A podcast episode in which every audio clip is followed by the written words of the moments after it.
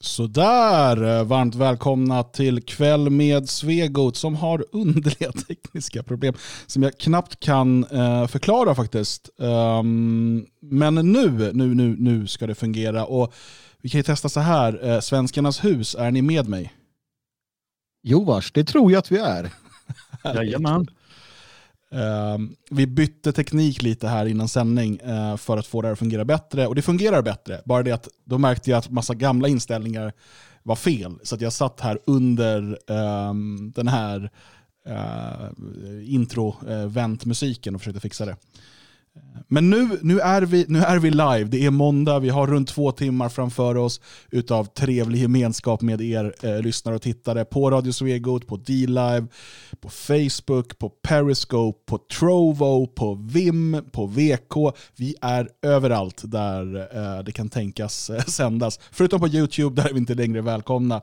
Och du som tittar i efterhand, du tittar förhoppningsvis på Odyssey eller Library. Eh, Magnus, hur mår du egentligen? Uh, nej, jag mår uh, just nu, jag har uh, liksom taggat mig väldigt mycket för att stå ut. Jag är, jag är sjuk. Va?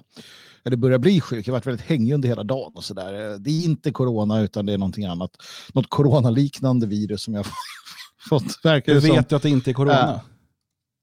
nej, men det är klart att jag inte, det kan jag ju inte veta naturligtvis. Det kan ju vara corona. Och I sådana mm. fall är jag ju väldigt oansvarig just nu. Mm.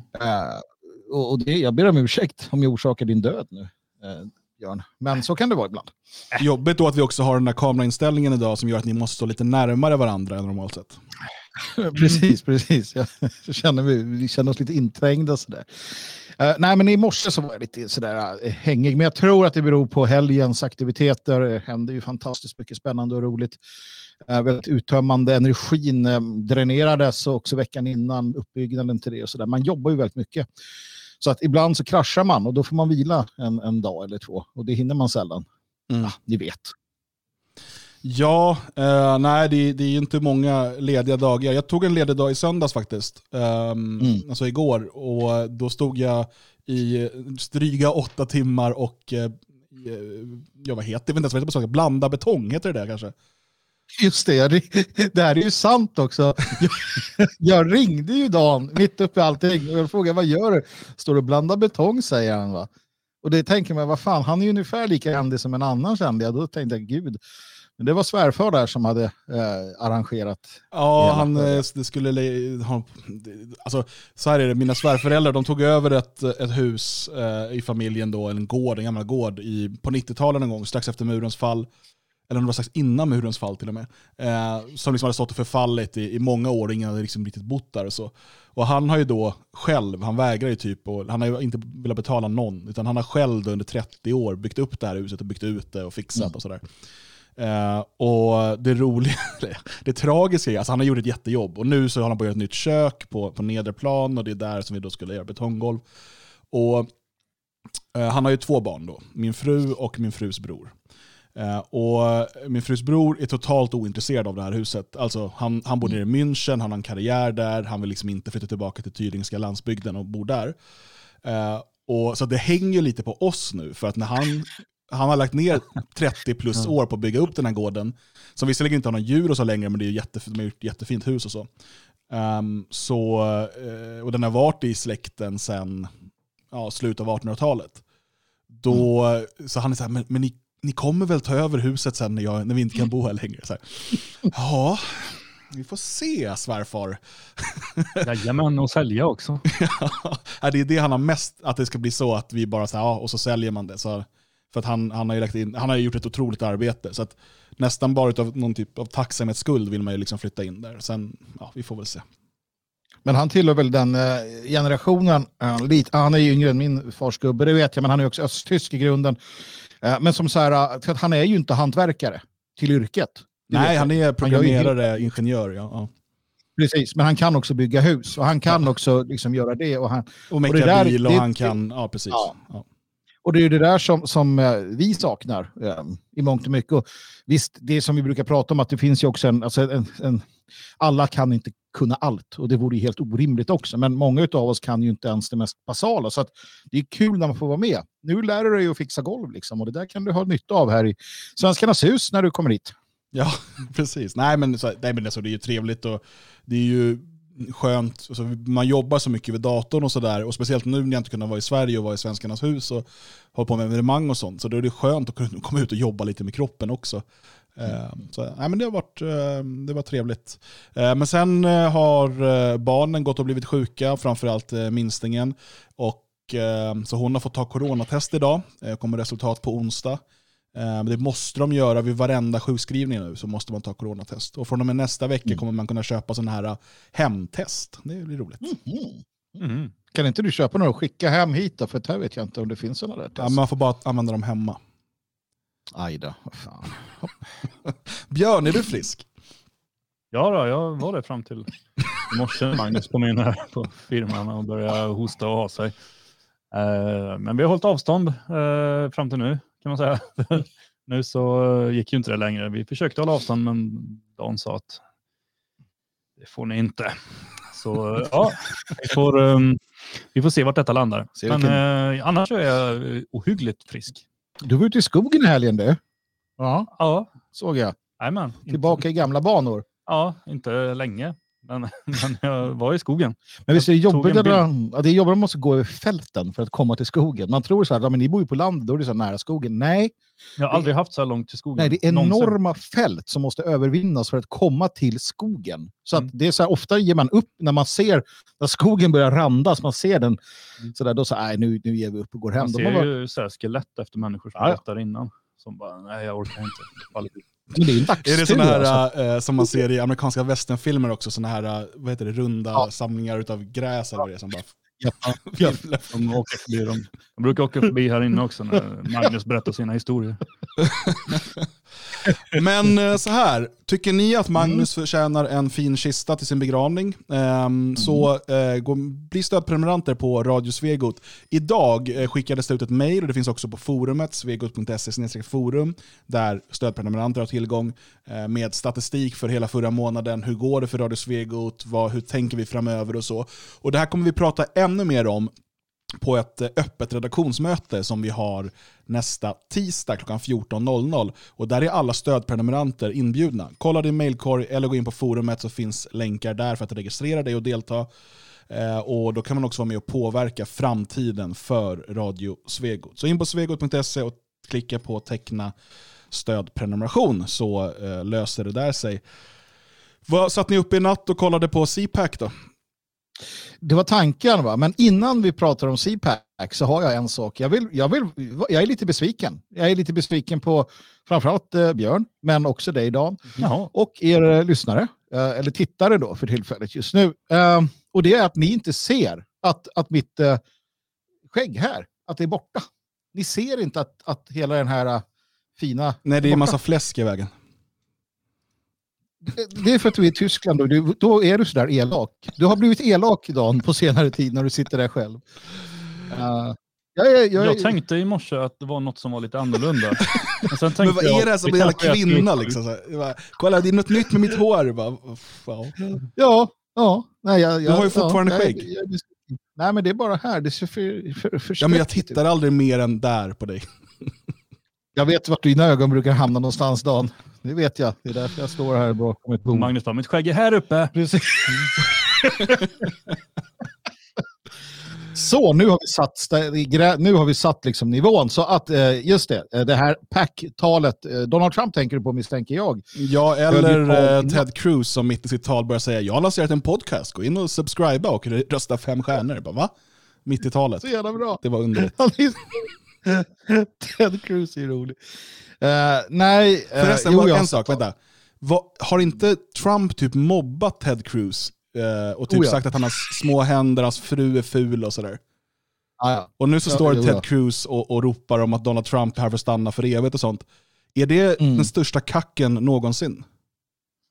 Nej, de är sådana allihopa i, i princip. Utom Trump tror jag inte hade varit sån. Men om du tittar på de här inför, alltså när, när de ska nominera en presidentkandidat, de, är ju full, de går ju hårt, så hårt åt varandra. Um, och, och, det var i den, i, det, i den röran som Trump då kallade honom allt det här och, och andra. Sen så när, när, när en blir vald, då brukar de andra ena sig och sen så är det inget mer med det. Samma sak var ju i, i Demokraterna. Jag menar som de gick åt, eh, Kamala Harris kallade Joe Biden för rasist och, och, allt möjligt under den här valkampen i början. Sen efteråt bara, ah, jag älskar honom och vi ska, vi ska göra det här tillsammans. Det är en fin människa. Så bara, men du har just kallat honom så här, rasistgubbe och allt möjligt. Så här.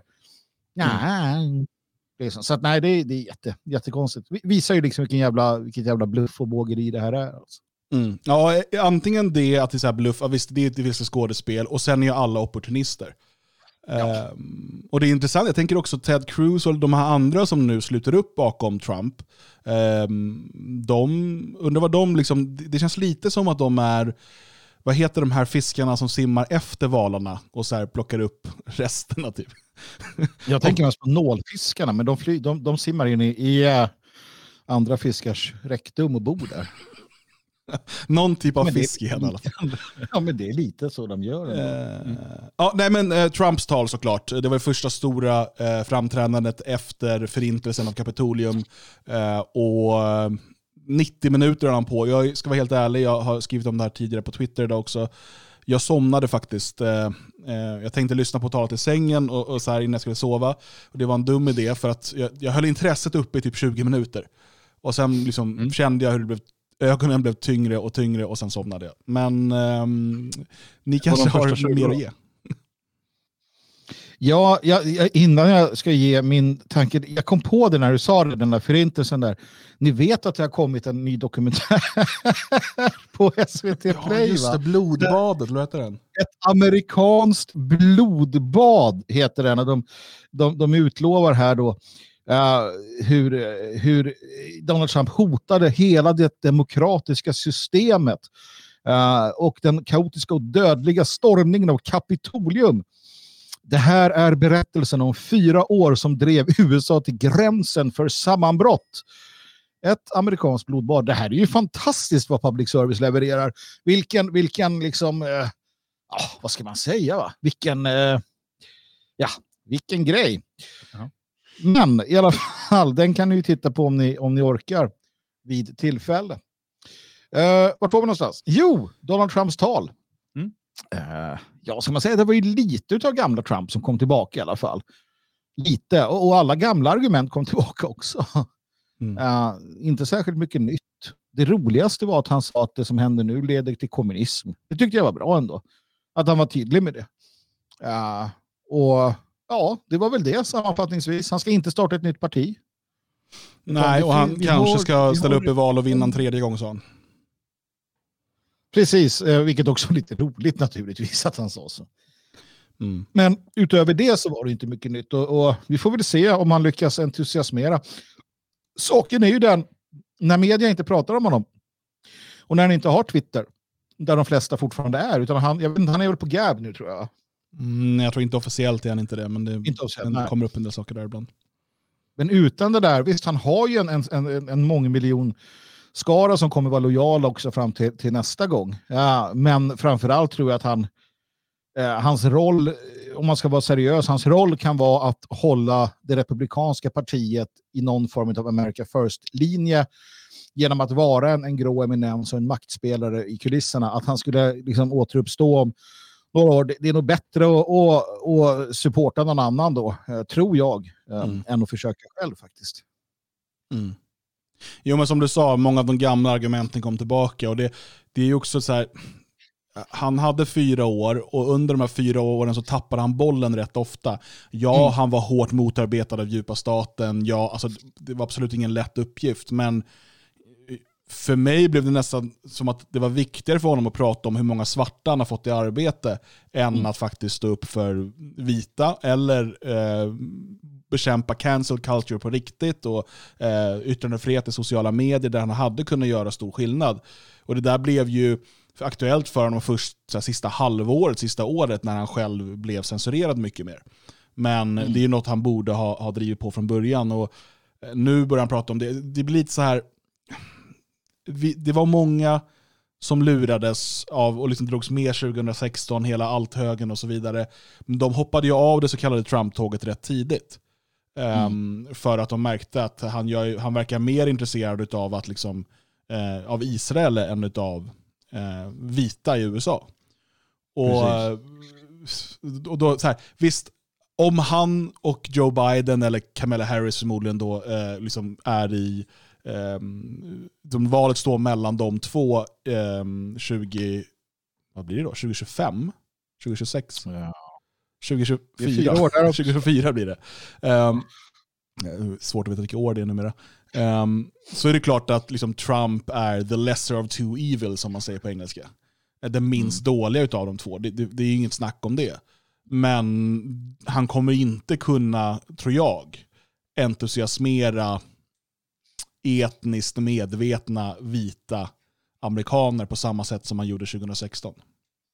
Det beror på hur illa det, det blir under Biden då förstås. Men jag menar, vi får ju se också vad de lyfter fram för några. Jag, jag kan ju tänka mig att en sån som Ted Cruz, um, hans tid kommer. Latinosarna behöver en, en representant och ja, jag vet inte, sådana där aspekter. Jag menar, partiet är ju partiet och de, det är ett maktparti precis som alla andra.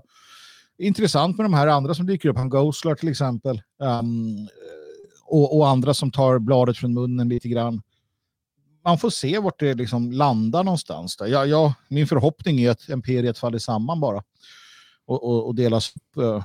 Det enda, ja, men, visst, men det, det, det enda med det, och vi ska inte fastna med det här för länge, men det är ju att det blir ett maktvakuum då som måste fyllas av någon annan. Jo, nej men visst, så är det. Så är det. Nej, men det, det, som sagt, det, det, nu är det långt kvar. Ehm, och vi får se vad som händer under tiden. Det, det är ju många rättegångar väntar väl också framöver här i New York till exempel. Eh, där man eh, ska ha fast han för lite alla möjliga saker och sånt där. Det kan ju sluta hur som helst det också. Han är ju gammal också. Han, kan ju, han, han är ju också som, som Biden på väg, på väg bort och så. så att, vi får se. Det, det, över tid återstår att se om han lyckas bilda en, en Trump-klan, precis som Kennedy-klanen och sådär, Clinton. Um, och se vad den kan få för makt i framtiden. Men i grund och botten är ju han en programledare, en show, showkille. Och jag tror att alla de här olika vägvalen som gjordes under presidentskapet, det berodde nog på hur mycket vik han hade som, som, som viskans öra vid vilket givet tillfälle. Uh, sen hade han någon idé om att han skulle köra America first och det där. Det verkade coolt liksom. Men han är ju ingen statsman. Hade vi haft en, en statsman med den eh, liksom pondusen och den ehm, alltså en statsman som var Donald Trump, då hade det varit en helt annan sak. Det hade varit en helt annat USA. Eh, men det brukar ju sällan vara en, en, en sån, ta Pat Buchanan som, som hade varit en jättebra president, men han är ju extremt sådär, inte showman. Liksom. Mm. Mm. Ja, nej, eh, USA kommer ha eh, minst fyra riktigt svåra år framför sig. Eller så här, vita amerikaner kommer ha det. Vita traditionella amerikaner. Eh, För det kommer säkert vara kul på många sätt för eh, liksom, eh, hbtq-hipsters i, på, på, i kuststäderna och, och liksom för latinos och, och svarta och sådär. Till viss del. Eh, men för de liksom, traditionellt sinnade amerikanerna och framförallt de traditionellt sinnade vita amerikanerna så är det fyra eh, riktigt tuffa år som, som väntar dem. Eh, så att, eh, Jo, för jag menar, så- det är ju ändå så att om, om, om det nu blir fantastiska år för de här hbtq-människorna, de kan dansa runt och ha prideparad varje vecka, så är det ju ändå tråkigt om man inte har något jobb. Alltså det är, ju- om samhället faller ihop bit för bit så, så är det ju inte kul att springa runt med flaggor längre. Det här är ju ett liksom, välfärdsproblem. Mm. eh, prideparader och allt sånt där. När, när maten försvinner då är det ju inte prideflaggor man springer runt med, utan då är det ju mordvapen. Men sen blev det ju också jobbigt. Alltså först och främst Portland fortsätter kravallerna, Antifa eh, och liknande. Vi såg hur eh, OAC, eh, vad heter hon, Ocasio Cortez, eh, fruntimret där, hon har riktat stenhård kritik mot Joe Biden eftersom Biden fortsätter att ha de här um, illegala invandrarbarnen inlåsta i, i burar, i princip. Precis som det, var in, det som Obama började med. Så nu har hon ju riktat kritik däremot och sagt att det här, ingen, min president gör inte så här, bla bla bla. Uh, och, och Clinton har börjat skriva fiktion. Det, det får en ju bli helt eh, uh, vimmelkantig. Um, ehm, och eh, uh, Cuomo i, Cuomo i New York är på väg att falla. Så att de här fyra åren för vita liberaler som har drivit upp den här, har fått den här, det här liksom att hända. Jag tror att de ligger, de ligger långt mer pyrt till än eh, liksom maganhängare. För de vet man vad man har, men de här eh, ja, men som Cuomo och grabbarna, de ligger pyrt till. Fy Mm. fan, att mm. kul att vara liberal där. ja, Ja, vi lär få återkomma till, till USA och Trump och Biden och så vidare eh, framöver. Men jag tänker att vi ska gå in lite på eh, kvällens titeltema. Vi har ett flertal saker att prata om ikväll. Eh, bland annat då den här, det som vi kallar då det stora maktövertagandet, eller maktstölden. Jag tror det är det bästa översättningen på det engelska power grab. Man använder ju power grab på svenska också, men jag, jag försöker att använda svenska ord där. Eh, och sen ska vi prata om det här med förbud mot medlemskap i rasistiska organisationer, eh, som kanske blir eh, verklighet framöver. Och sen ska vi prata Sverigedemokraterna, eller framförallt eh, politisk taktik och Sverigedemokraterna. För att eh, det finns eh, de som menar att det är, eh, vi ska lägga fokus på att eh, göra Sverigedemokraterna till största parti, kanske till och med ett regeringsparti, för att det kommer öppna upp för andra eh, mer eh, nationellt sinnade krafter eh, framöver. Vi ska titta på det där och se om vi håller med eller inte. Men först alltså eh, corona och Eh, coronarestriktioner och så vidare och vad det är som händer i kölvattnet av det hela. Och vi kan väl bara börja med att säga att idag den 1 mars så eh, införs en, ett gäng nya restriktioner i Sverige. Äntligen. Och, vad sa du? Äntligen. Ja. eh, bara så att ni har koll nu på vad ni inte längre får göra. Eh, till exempel då så måste eh, alla serveringsställen nu eh, sälja 2030. Um, och Tidigare var det ju bara så att man behövde sluta sälja alkohol 20.00. Uh, eh, nu måste alla serveringsställen sälja 2030. För mig, jag får inte ihop logiken. För jag, någonstans, eh, liksom, vilka tycker jag vill om liksom, alla de här åtgärderna, men jag kan förstå logiken i att eh, krogarna inte ska sälja alkohol under för lång tid för att folk skulle bli jättefulla och då har liksom, sämre eh, konsekvenstänkande och sådär. Men mm. varför skulle det vara farligare att äta en hamburgare på ett snabbmatsställe klockan 22 än klockan 19? Ja, ska jag vara seriös så handlar det om att du ska få folk att gå hem. De ska inte vara ute och träffas. Det är det det handlar om. Det är inte så mycket att det är farligare. Men du får ju, ja, precis, men du får ju fortfarande eh, köpa mer för avhämtning. Ja, och gå hem. det, eh, det, handlar om att du ska vara ensam, du ska gå själv, du ska gå hem. Jag, jag såg, eh, liksom, jag, jag har sett på Twitter hur det börjar dyka upp. Det är, helt, eh, det är chockerande Eh, och de här verkar vara sanna också, människor som isolerar sig i sina hem. Alltså att ja, mitt barn sitter i det rummet bredvid. Jag har, liksom, nu har vi isolerat oss. Min, min sjuåring sitter och, och, känner sig ensam. Hur ska vi göra det här? Hur ska vi orka? Alltså folk har blivit fullständigt vansinniga på det här.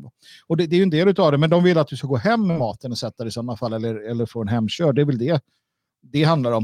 Uh, men det finns ju andra sådana här. Min favorit nu, det är ju ensamätandet i galleriorna. Den, den, är, den, den tar priset alltså. Att, ja, och det, och det är så himla specifikt också. Det är alltså då serveringsställen som är en del av en handelsplats, säger man. Alltså inuti ett sånt shoppingcentrum. Alltså, där får man bara vara en besökare per sällskap. En person per sällskap. Mm. Mm. Om det inte finns en egen entré till eh, mm. restaurangen, då får man vara flera. Just det. Man sitter och skvätter corona kring sig. jo, och har man en, alltså, Okej, okay, och tanken måste ju då vara att minska trängseln i shoppingcentrum.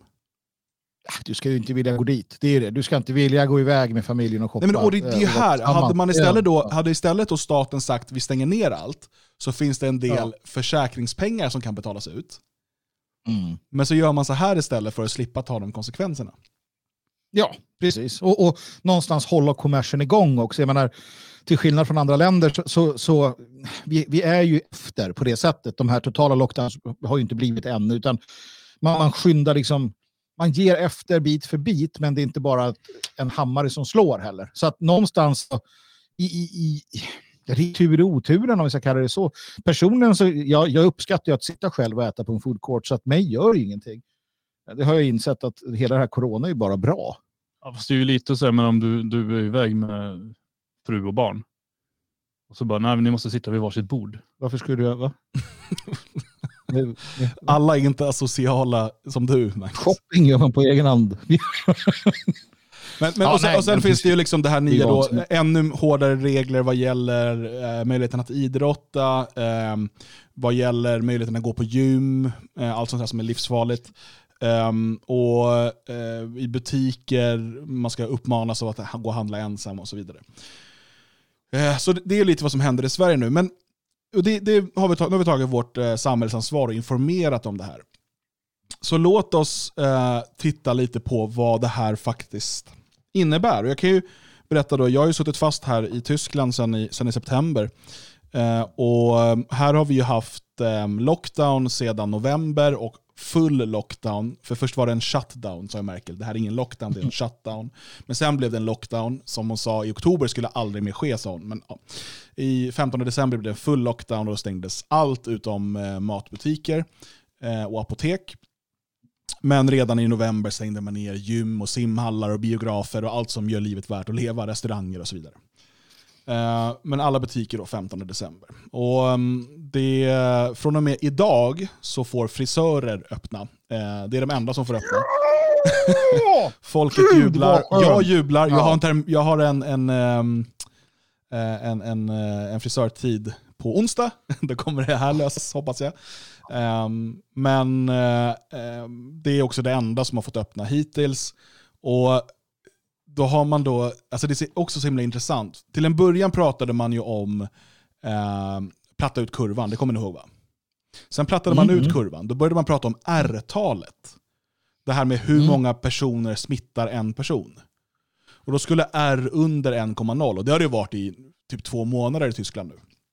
Ja, ja. Ja, men då ändrade man det så att då skulle det ner på eh, 50 smittade per 100 000 personer de senaste sju dagarna. I varje och då kan den regionen få börja öppna upp. Nu har man ändrat det så det skulle vara 35 per 100 000. Och det är alltså inte människor som blir sjuka. Det är inte liksom människor som behöver vård, utan där man då fått ett positivt test. Och man ska testa ännu mer samtidigt. Men då tar det ju aldrig slut då. Det är klart här, det inte gör. det. Det tar aldrig slut. 35 på 100 000, det kommer aldrig, det här kommer vara med oss. Det här viruset kommer vara med oss i all framtid. Det kommer alltid vara några hundra här och några hundra där som är sjuka. Och, och som sagt, Precis som Ska du till läkaren ja. nu, mm, vad det än är, så måste du ta ett coronatest. Mm. Så att de, de, de testar hela tiden och nu så ska man göra de här hemtesten. Försäkringsbolagen ger dig premier om du testar dig ofta och så vidare. Så man gör allt Mm. för att få upp testandet. Och, och samtidigt då så, så höjer man kraven alltså genom att sänka det här antalet. Då. Det ska vara 35 per 100 000. Det är helt absurt. Och det är där Tyskland är just nu. Uh, nu på onsdag träffas eh, mm, uh, ministerpresidenterna, eh, alltså um, ja, de, de ledarna för de olika regionerna. De träffas nu på onsdag med Merkel för att då besluta om vad som händer framöver. Rykten säger att butiker kommer behöva hålla stängt fram till maj. Mm. Eh, om det stämmer eller inte vet vi kanske efter onsdag. Eh, men ja, det, det är liksom läget i Tyskland. Och om vi då tittar på den lite större bilden här, för det är det vi måste göra, det är det här som måste vara vårt jobb. Vem som helst kan se eh, liksom att, eh, ja, men att, det här, att öka testerna och samtidigt liksom höja kraven på hur många som ska vara negativa och sådär, eh, att det liksom inte går ihop. Men vad får det för samhälleliga konsekvenser? Och det är här vi pra- pratar om den, den stora maktstölden. För, Alltså, ja, kör ja, det, precis, ja, men det är flera saker som händer. Å ena sidan är det ju det. Ehm, och, och här börjar vi se hur många av de här idéerna de har haft länge börjar gå i uppfyllelse. För att vi kunde också konstatera att eh, lika många har ju dött Eh, av, alltså av, av nedstängningar, säger de, som utav då själva sjukdomen, alltså med eller i, av, av corona. Eh, och det här är ju också en, det, det finns ju en sån vilja. Jag, jag ska inte säga att jag är helt att jag är helt motståndare till tanken på att det behövs färre människor på jorden. Eh, det är någonting jag har tyckt ganska länge. Va? Det är för många människor på jorden rent generellt sett. Um, och, och, och, jag menar, det, det må vara liksom fyrkantigt och tråkigt att säga det, men det är klart att det är bra att det dör av, dör, dör av människor. Det vet vi att man har pratat om i vissa av de här hemliga klubbarna. Eller de är inte ens hemliga, de har sagt det öppet. Jag vet att någon, någon sån där kunglighet i England sa det han är, i samband med något. Nej, men det bäst vore ju om, sa han, att, att eh, liksom hälften av alla människor bara dog. Det hade varit det bästa, en sån här miljöaktivist. Och det här, den, de här tankarna finns ju där. Hamnar hos Pentelinkola, jag menar då ska ju i princip alla bara bort. Va? Um, och, och så att det händer. Uh, och man kan införa, med den rädsla som människor har, så kan du införa den typen av åtgärder som man vet någonstans. Alltså FN fattar ju att det här kommer leda till, till, till många som dör. Så det är det ena. Och det andra är det som du säger då, den stora utjämningen som jag väljer att kalla det. Mm. Ja, eh, och, och här har vi ju flera liksom, saker som samspelar. Du har eh, Eh, ren eh, liksom, eh, maktambitioner, du har ideologiska övertygelser och så vidare. Eh, vi ska inte glömma bort eh, eh, klimatrörelsen eh, och så. Jag tror vi kommer komma in på det. Eh, för att det som sker nu eh, här i, i Tyskland och i många andra länder, eh, och det kommer ske i Sverige också om man fortsätter i den här riktningen, det är att man Ehm, gör massor av människor arbetslösa, man slår sönder många företag, man slår på många sätt sönder medel och arbetarklassen. Eh, samtidigt som man eh, med andra handen då lovar olika typer av subsidier och bidrag. De här statliga hjälppaketen som man så fint talar om. Så att eh, från att ha varit människor som kunde försörja sig själva, antingen genom sin lön eller genom sitt företag, eh, och, och liksom stå på egna ben, så görs miljontals och åter miljontals människor i Europa beroende av statligt stöd. Och inte nog med det, eh, man har nu drivit det här så långt under så lång tid att människor är desperata, de går med på nästan vad som helst. Och jag, jag skojar liksom inte det här med, med, att frisörerna öppnar, att folk jublar över det. Att folk är så här, men tack Merkel. Alltså det är verkligen den inställningen. För folk är, är så psykiskt nedbrutna utav det här. Och jag tycker att det är jobbigt och jag är inte ens rädd för liksom, viruset eller sådär. Tänk dig då alla de människor som, precis som du sa, som låser in sig själva. Eh, jag, jag, jag, som flera människor här som inte... Eh, jag, tre eh, vänner här i Tyskland som har förlorat eh, föräldrar eller mor eller farföräldrar, inte på grund av corona då, utan eh, men under det här senaste året, som inte har fått träffa dem under hela den här tiden. Mm.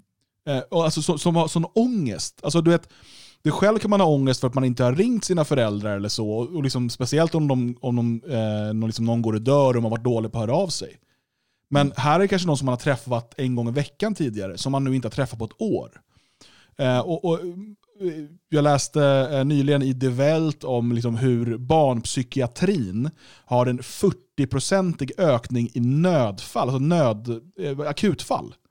Mm. Eh, och hur eh, suicidala tankar bland barn och ungdomar skjuter i höjden. Hur man inte har möjlighet att ens ta emot människor som kommer till psykakuten. Mm. Eh, och det, det, är liksom, det är det ena, och då blir folk så desperata. Så att när man då säger att ah, men nu, ska, nu, nu får ni gå på bio igen, eller nu får, du vet, någonting. Folk kommer bli okay. överlyckliga. Det här är klassisk, eh, eh, liksom, eh, man, man bryter ner någon för att sen kunna bygga upp dem som de vill.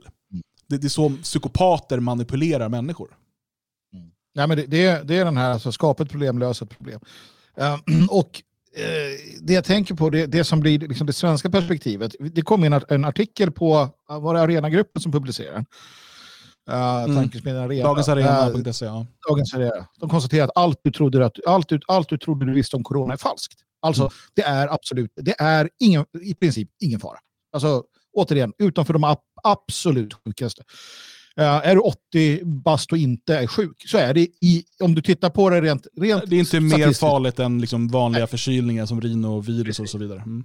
Ja, och, och, när man har läst det, uh, och det är ju det är, det är kalla fakta. Då blir det ännu svårare. Men det, det är inte, alltså, vi ju också att det finns ju ganska starka krafter i Sverige som vill ha lockdowns och allting av, av olika skäl. Och det, de, de, det de inte, jag tror inte de förstår en sak. Det är det du har i Tyskland. Du pratar om det här att ja, men folk sitter hemma och så. Jag menar, det har folk i Sverige också. Men jag kan åka till min mamma mm. utan att en polisbil stoppar mig och frågar vad fan jag gör ute. Jag kan vara ute i parken och spela boll och, och sådär manligt eh, klappa om en, en kamrat utan att en polisbil jagar mig. Mm. Alltså det man inte fattar, de här jävla idioterna som sitter och kräver covid-tyranni på Facebookgrupper. Så här, vi måste stänga ner allting. Det de inte fattar är att det som händer är att de inte kan gå ut. Alltså det, det som är den största skillnaden mellan att sitta i fängelse och inte sitta i fängelse.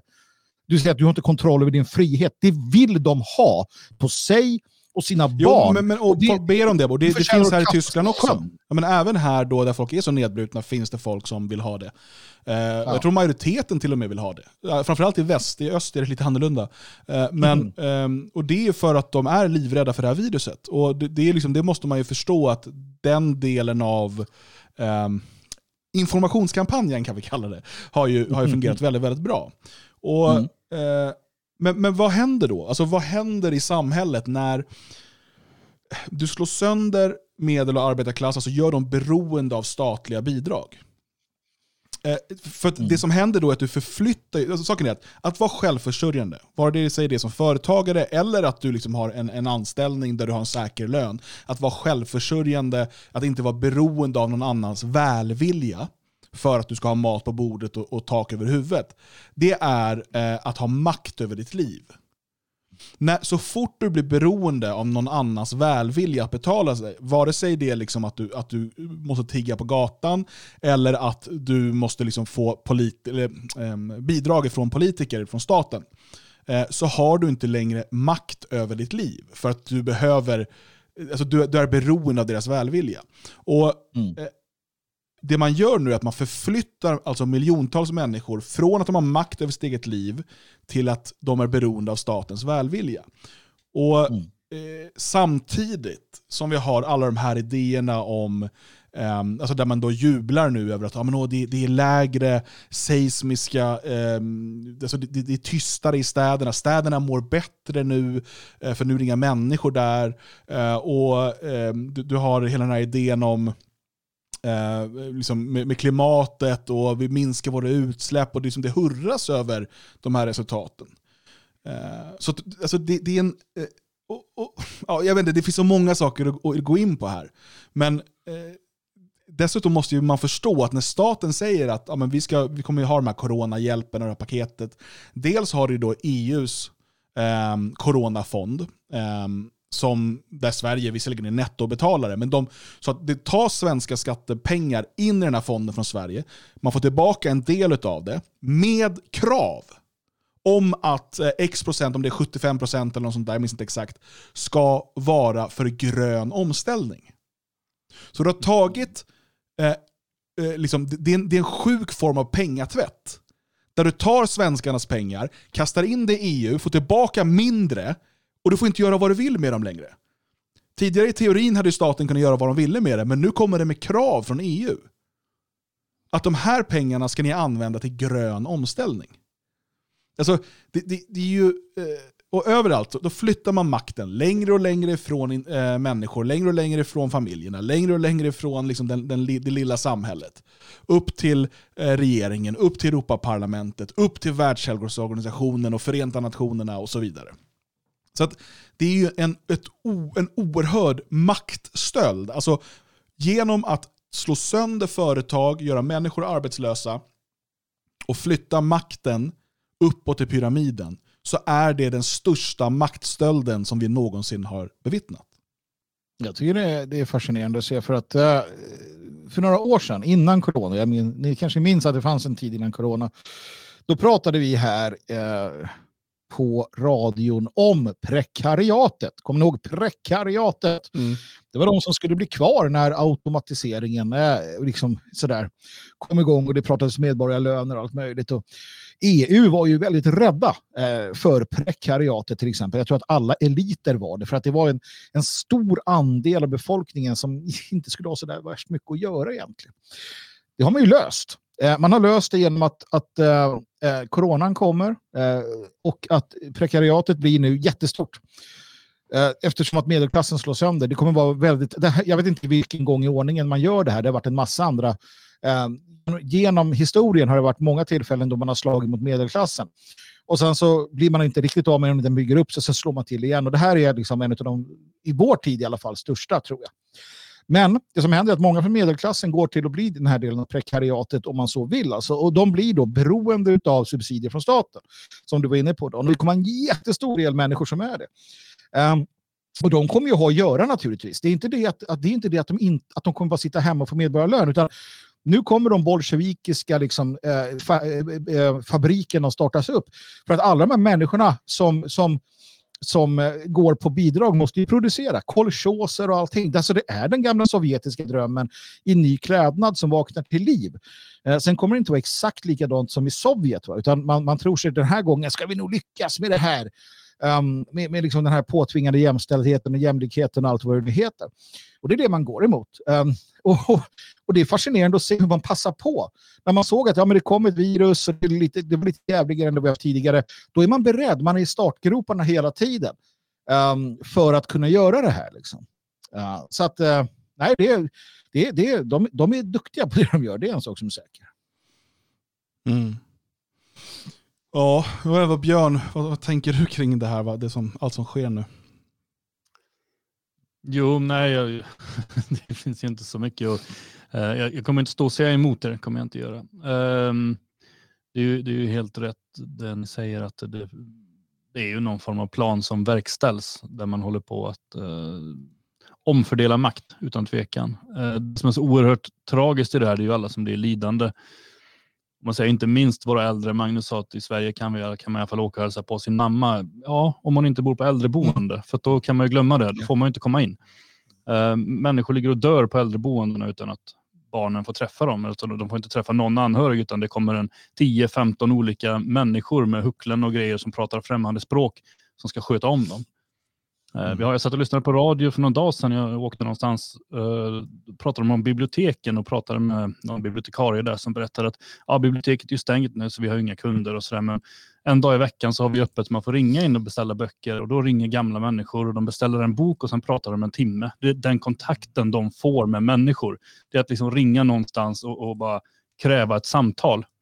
Uh, det är den verkligheten som har skapats här just nu. Uh, det är alltså fruktansvärt vidrigt, framförallt för äldre människor som, som dels i nog tror jag ännu högre utsträckning än många andra tror på vad de läser. Mm. Uh, man har lärt sig att man ska, man ska lita på det som står i tidningar och det som sägs på tv. Uh, men även om de inte tror på det så sitter de lik förbannat inspärrade. Mm. Mm.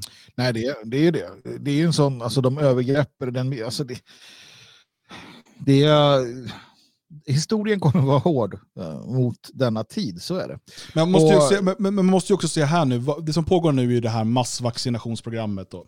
Um, och uh, Dels har vi ju det här med uh, vaccinationspassen, eller frihetspassen som de också har kallats. Um, som då uh, man nu håller på på EU-nivå, försöker lösa en digital variant och sen ska det här implementeras krav på att ha det till exempel för att få resa och sen finns det ju liksom olika nivåer det här kan dras till. Man pratar om teater, idrottsföreställningar, biografer och så vidare. Kanske till och med restauranger ska det krävas. Um, mm. I Israel har man redan infört det här. Uh, och uh, och liksom det, det är uh, den ena delen av vaccinationsprogrammet. Det andra är ju, utan att liksom gå in på huruvida vaccinen är bra eller inte, så kommer det nu, äh, men nu kommer den här mutationen, nu kommer den här mutationen och virus, eh, vaccinet biter inte på det. Eller biter mm. sämre på det. Och nu pratar man ju om att ja, visst, de här vaccinen eh, liksom, det kan liksom hjälpa oss att hålla ner talen ett tag nu, men det kommer komma, eh, alltså de här mutationerna som kommer nu kommer överlista vaccinet. Jag, alltså jag kan inte avgöra om det är sant eller om de ljuger eller vad liksom det är. Det är inte jag expert på. Men jag kan se vad det får för konsekvenser. Jag kan se hur man eh, nu här under vår och sommar, när talen eh, alltid går ner för den här typen av virusinfektioner, eh, för influensa och så vidare, eh, så kommer man öppna upp mer och mer. Folk kommer få lite andrum. Um, och um, Sen um, kommer en ny mutation eller någonting annat som gör att man framåt hösten uh, kommer stänga ner igen. Och eh, Så här kan man hålla på i evigheter. Um, tills att liksom uh, uh, tills att Bastille brinner. Liksom. För, mm. för det, det, kommer vara liksom det enda sättet att få stopp på det här om de har tänkt att fortsätta. För att man, man har nu sett liksom, vilken möjlighet man har att utöva den här makten. Om man, om man, är man dessutom ideologiskt driven, eh, att man tror på till exempel mm, jämlikhet i form av att alla ska ha det lika. Och det här har vi hört länge ifrån eh, vänstern och liberaler och så vidare, att det enda sättet som vi kan få den här typen av jämlikhet det är att vi i väst eller vi i Europa sänker vår levnadsstandard. Vi kan inte få upp alla till vår levnadsstandard för att liksom jordens resurser är oändliga och så vidare. Eh, och nu har man då den stora utjämningen. Här har man då möjlighet att, att eh, med våld och hot om våld förflytta resurser från de produktiva delarna av världen till de improduktiva delarna av världen. Och, mm. och därmed uppnå den här eh, drömmen. Man tror det i alla fall, att man ska, kommer kunna göra så. Jag tror att man kommer misslyckas. Men det är uppenbart att det finns den här tanken. Samtidigt är det intressant det du var inne på Magnus, att vi har sett hur eh, restriktionerna, som ju har kostat miljontals liv, det har ju framförallt kostat liv i Afrika. i de fattigaste delarna av världen. För att där är det då eh, barn som inte får de, de vanliga vaccinen. Eh, det är eh, människor som inte får sjukvård, eh, kvinnor som dör i barnsäng och så vidare. Sånt som lätt hade kunnat lösas annars, men nu finns inte sjukvården. Dessutom ser vi en, en, en stor svältkatastrof, ännu en, eh, runt hörnet. Så, mm. och, och, och, då vet vi ju att de här människorna som drömmer om jämlikhet, de här människorna som drömmer om den stora utjämningen, också eh, är dessutom klimattroende och gärna talar om behovet av en eh, befolkningsminskning, som du var inne på. Mm. Och det är exakt och, och, de effekterna vi ser här. De är också rasister i ordets eh, negativa bemärkelse. Alltså de, de, de, de har inga direkta... Eh, så det eh, ser man hur de agerar i väst gentemot, eh, eller, ja, gentemot färgade. De, de, de tror ju verkligen att färgade är liksom, eh, ja, korkade på alla sätt och vis. Det ser man i USA, Liberalerna till exempel, som tror att färgade inte ens kan skaffa, de kan inte skaffa ID-kort tror man och därför vill man inte ha ID-kortstvång vid röstning. Uh, och det är därför också man ser det att alltså, i, i, deras ögon så det är sorgligt om, om en massa människor i Afrika dör, men det är också det enda sättet, för det har blivit för mycket. Och, och, och om man ska ta liksom, smöret i väst, alltså om vi, om vi säger att västs resurser är en klick smör, sen ska du få ut den på hela smörgåsen som är liksom alla människor. Ja, det blir för mycket. Va? Smörgåsen är för stor, så därför måste det bli av med en del. Mm. Uh, och därför har man inga problem med det här. Och det är samma i Kina. De, de tänker vilket kan vi ha koll på? Um, och så där. De, den typen av mentaliteter, den typen av liksom sataniska ideologier och liknande, de tar ju chansen varje gång de kan Eh, göra, göra sig av med människor de inte vill ha, så tar de chansen. Um, och nej, men det, det, det är så det är. Och sen, sen, som sagt, jag håller med om att det är för mycket människor på jorden. Min tanke är dock inte den här typen av folkmord, ärligt talat. Jag är inte för folkmord. Jag tycker det är en fasligt elak och dum idé. Um, och det är vad man gör. Man, man, det är folkmord i Afrika. Det är folkmord um, där man på grund av den här, den här propagandan, den här skrämsel Uh, liksom det, och de, den press man sätter på stater. Det ska vi komma ihåg också, att den här Guterras, WHO, eh, det är en kommunistisk organisation. De är ju, det är inte bara att de har typ sådana idéer, de är ju alltså bolsjeviker. De är det. Uh, ledaren där är ju, han är kommunist, kort sagt. Um, de ställer ju krav, precis som de uh, gjorde på Vitryssland. liksom kräv, ha munskydd, annars får ni inte bidrag. Och det är samma i Afrika. Då. Men om ni inte stänger ner nationen, om ni inte gör så här, då får ni ingenting. Så att det är klart att de tar chansen och det, det är, en, det är en riktigt, eh, riktigt diabolisk plan som, som ja, men och, och Vitryssland blir ju här liksom, eh, exemplet på en större skala på det vi pratar om för, för individer. Alltså att när man är beroende av till exempel då, lån från Världsbanken, då, som det var, eller mm. IMF, um, ehm, och, och, då kan de också ställa de här politiska kraven. Och det är precis här man kommer till, om, om ännu fler svenskar, ännu fler europeer blir beroende av bidraget från staten och inte kan försörja sig själva, så, kan de också, eh, så, alltså, så måste de också anpassa sig efter de krav som staten ställer. Eh, och, och, och jag, man behöver inte kalla det för kommunism eller socialism, för det, det här är, det här är liksom en det här är en djävul som har tagit många olika skepnader under århundraden och kallats mm. många mm. olika saker. Uh, men, men, men uh, och, och, nu är den på väg att ta en ny skepnad. Mm. Och, och, så det, det gäller att ha koll på det. Det kan vara bra ibland att kalla det för kommunism eller någonting för att göra det enkelt att förstå. Men det är inte så enkelt så att de liksom har varken Maos lilla röda eller liksom Stalin eh, som förebilder. Utan eh, det, det, var den skepnad man, man, man tog då. För det är den här ständiga kampen mellan gott och ont, mellan frihet och, och, och ofrihet, eller förtryck. Mm. Eh, och, mm. och där, där vi såklart eh, alltid måste välja frihetens sida. Eh, men, men, och det här är ju den ena biten. Det andra är då de här stödpaketen eh, som man pratar om. Eh, titta på ehm, pengaproduktionen i USA nu. Om man kollar på den kurvan, dels har vi haft nu under 2000-talet liksom en starkt stigande kurva eh, utav mängden pengar i omlopp, då, alltså krediter. Eh, nu, poff, alltså det, det, är en rak, eh, det är upp till månen. Mm. Eh, vad det betyder, och vi kommer se det här i EU och, också, eh, för att, eh, för att då under ett tag hålla igång maskineriet så måste du eh, skapa mer skuld. Mer skuld i systemet betyder fler eh, pengar inom stationstecken i omlopp. De har inget rejält värde utan det som händer blir ju inflation såklart. Vilket också slår sönder medelklassen. Alltså, här måste du ju eh, förstå att de människor som har eh, sparat i svenska kronor eller amerikanska dollar eh, på, på ett bankkonto kommer se de här bli värda ingenting. Du kommer få se liksom, alltså, det som inflation gör med, med samhällsekonomin. Och, vilket återigen lägger makt. Eh, ta bort makten ifrån det lilla, alltså individen, familjen, det lilla samhället, upp i den pyramidala strukturen. Så det, det här är en, en perfekt skitstorm helt enkelt som håller på och, och blåser upp nu. Ja. Frågan är hur länge den kan hålla på utan att någonstans så kommer ju allt rasa om man inte mm. sätter stopp för det. det eh, och det intressanta någonstans är ju hur, hur bromsar man in det här sen? Hur gör man det? Jag trodde ju att det skulle börja bromsa upp nu när, när eh, Trump förlorar valet. Eh, det kommer ett vaccin och bra, då kör man igång och så eh, tycker man att alla är friska. Eh, men, men nu känns det som att man trappar upp det här ytterligare. Och, och hur trappar man ner det? Man kan ju inte gå ut och säga till folk att Nej, men nu har vi upptäckt att det här var inte farligt. Då kommer folk bli helt skogstokiga. Mm. Folk kommer inte gå med på det. Nej. Utan det måste ju fortsätta i den här det... illusionen av att det här är väldigt, väldigt farligt, men att vi har besegrat det.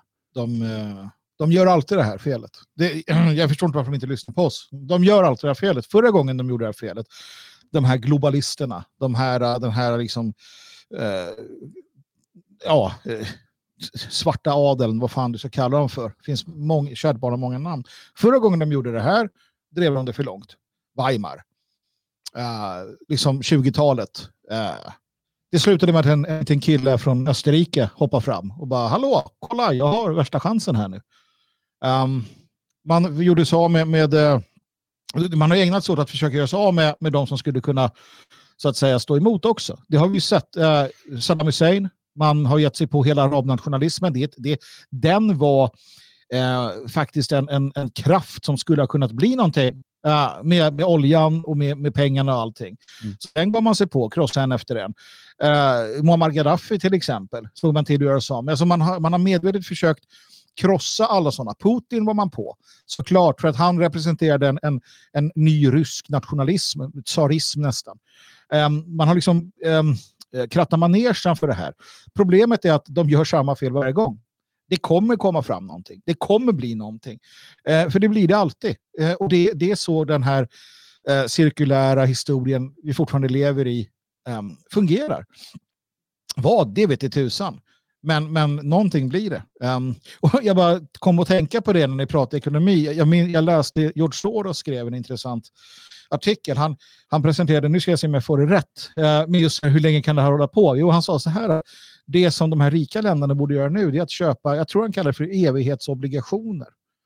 Uh, eller något liknande. Alltså någon form av skuld. Alltså du, Uh, du kör, det är någon form av skuld som du aldrig behöver betala tillbaka. Du behöver bara betala lite ränta varje år. Mm. Och, och, det finns sådana som pågår nu som löstes i Holland på 1600-talet som fortfarande betalas lite, lite ränta bara. Och han sa att sådana borde alla de här, vit, de här rika nationerna köpa nu massor utav för att liksom lösa de här problemen. George Soros, vet ni. Det kan hålla på länge. Jag menar, varför inte? Mm. Nej, det är väl eh, tyvärr så att mycket tyder på att det, det, kan, det kommer hålla på länge. frågan är, kommer folk resa sig liksom mot det? Alltså, no, det finns alltid, jag tror att det alltid finns en gräns för allting. Samtidigt har vi sett länder där det har blivit jävligt genom historien utan att folket har lyckats resa sig. Och där kombinerar vi det här med, om vi framförallt pratar väst nu, eh, den väldigt avväpnade befolkningen. Ja, i Sverige har vi mycket vapen, men det är mest jägarvapen och så. Eh, men, men den avväpnade befolkningen, eh, den allt lägre halten testosteron bland västerländska mm. män. Vi, vi, läser nu rapporter om liksom att fortsätter det så här så producerar västerländska män inga spermier eh, om bara 20 år, 30 år, 2045. Mm. Mm. Um, för att eh, de, de, de minskade testosteronnivåerna gör att eh, spermieproduktionen blir sämre, detta är teorin i alla fall. Eh, och eh, det, förmodligen finns det ett starkt samband också med de minskade testosteronnivåerna och eh, feminiseringen utav, utav männen, eh, hbtq-rörelsens frammarsch och så vidare. Eh, och det, det är ett helt eget ämne i sig, men man måste också se att vi är inte samma folk på det sättet. Alltså, vi, vi har inte den, den biologiska motståndskraften som vi hade för hundra år sedan. Mm. Um, så frågan är, ett, ett feminiserat, avbeväpnat folk med en slavmentalitet behöver eh, mer än bara en gnista för att explodera. Alltså jag tror inte att det, det där inte, alltså, om inte naturen hittar ett sätt uh, att ge oss en injektion så tror jag att det där, just den delen är lite hopplös. För att, förutom allt det som du säger Dan så säger jag Netflix, jag säger Pornhub och jag säger uh, Amazon. Varför går du igenom min webbläsarhistorik nu för? Ja, men uh, den dök upp här hos mig också. Jag menar, vad, vad fan du behöver... Vad, så här är det, det folk tror också. Vi får se, de brukar få det fel. Men okej, de kanske får det rätt. Får de det rätt, då ligger, det, då ligger vi pyrt till. För att själva idén om den stora utjämningen, det är inte att vi ska hamna i liksom, eh, något, något eh, getto där vi, inte har, där vi går och samlar sopor och inte har något att förlora. Utan vi ska få det sämre. Alla andra ska få det bättre, men alla ska ha det lite jämnjävligt. Uh, och så länge vi kan få mat i magen, porr på datorn och en massa coola serier och sen VR på det så, då kommer vi inte göra uppror. Punkt slut. Vi kommer inte det. De som däremot kommer leva förbi där, det är sådana som Amish. För de kommer säga så här, ja men det här är några, ett fåtal jävla gubbar och sådana som gökar runt i, i någon jävla, liksom på något fält ute i USA. Så här, ja men skit i dem för de är inte intressanta. Och de kommer vakna upp om 300 år och prata sitt språk. Så här, vad hände? Ja, nej, jag vet inte. Men vi går här och odlar vår mat. Va? Eller liknande. Det är vad jag tror i alla fall. Uh, om det inte blir det här att en liten gubbe från Österrike vaknar till liv igen och bara okej, okay, nu kör vi. Liksom så. Ja, men att det skulle bli någon större sådär revolt mot det här, nej, för fan, du har ju Netflix. Och det kommer drönare hem zzz, med pizzan. Mm. Perfekt. Mm. Nej, och jag menar, en, en till del av den här maktstölden eh, i ett land då som Tyskland, där jag är just nu, där, där det är eh, nedstängt. Eh, att handla från små eh, företag är ju stort sett omöjligt just nu. Eh, mm. All, nästan alla små företag skapar nu konton på, på Amazon och lägger upp sina varor där. Och Amazon tar, jag tror 25% eller något sånt, 20-25%. Uh, så att du tvingas handla via Amazon. För att du kan tänka dig själv om du har en liten järnhandel eller en skobutik eller någonting så här, som inte tillhör någon stor kedja. Um, du kanske inte har resurserna eller möjligheten att liksom bygga upp en webbshop och liksom sköta allt det där. Utan då lägger du dig hos, hos Amazon och vi vet att Amazons aktie har gått uh, genom taket. Uh, för att de har blivit snorrika på de här nedstängningarna. Mm. samma Amazon som också ger kraftigt med donationer till politiker. Uh, mm. Någon borde kolla upp det här sambandet. uh, men men, men eh, det, det och, och, och, man själv, jag, liksom, jag försöker använda Amazon så lite som möjligt. Och samma sak med Zalando som också är en av de här stora jättarna här. men det kan vara väldigt, väldigt svårt. Um, för att jag, jag, vill handla, vi har uh, här i, i närmaste, uh, liksom i min stad där det bor tusen personer, vi har en liten skobutik där. Och där vill jag gå in först och handla. Men jag får inte, den är stängd av staten. Jag hänvisas till Amazon eller Zalando. Och, och det, det, är så det, man förflyttar makten. Absolut. Men det är här också det, det kommer in liksom alla strategierna för hur vi ska agera och sådär. Återigen, jag ska inte, jag ska inte bli, jag ska inte bli eh, liksom religiös på er just nu. Men det finns ju också förklaringar till varför det är som det är. Och det, du säger, det, det är så intressant det här som händer nu. Uh, du ska inte kunna köpa och sälja om du inte knäböjer inför mm. den här världen. Det, det, det, är det som vi är på väg mot. Och, och liksom, det har man skrattat åt. Och, och, så. Men det är där vi hamnar till sist. Och jag, eh, man ser det tydligt. Du vill handla i den där butiken, du kan inte det. Du vill, du vill resa till Sverige, du kommer tvingas att ta ett vaccin. Då. Så är det bara. Eh, och, och Gud förlåt oss att vi gör det. Men det kanske vi måste göra för att kunna agera. Um, ja, alltså det där är en situation som jag tänker på hela tiden. Hur ska jag agera ifall jag förbjuds resa hem till Sverige Uh, om jag förbjuds, alltså kunna utföra mitt kall. Mm. Mm. Om jag Precis. inte tar sprutan. Jag hoppas ja. ju, nu hoppas jag att ingen kollar på det här, men att det kommer gå att köpa sådana där bevis. Det brukar det gå att göra. Det löser sig, oftast löser sig saker och ting. Men officiellt så har jag då tagit sprutan kan man ju säga. Det kan jag inte ja. säga det. Alltså, um, och, ja, det, det där är ju för att vi, vi får se vad som händer helt enkelt. Men mycket tyder ju på att det kommer bli många olika tvångsåtgärder.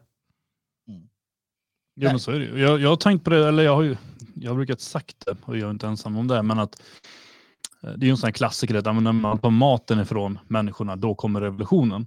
Och det har vi ju sagt ganska länge att det kommer inte hända för man kommer förse oss med mat. Eh, blir man arbetslös så får man pengar Mm. av staten. De håller oss lugna på det sättet. De ger oss lite bröd att gnaga på och så är vi nöjda. Så får vi lite underhållning också så är vi ännu nöjdare.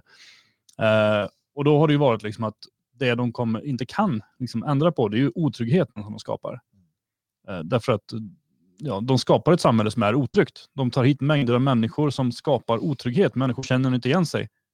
Men där har vi ju lösningen nu. Vi låser in alla.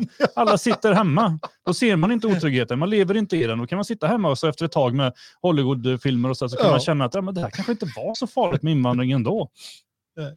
Jag märker ju ingenting. Mm. Nej, nej, helt klart. Det är en revolution den här gången. Snyggt.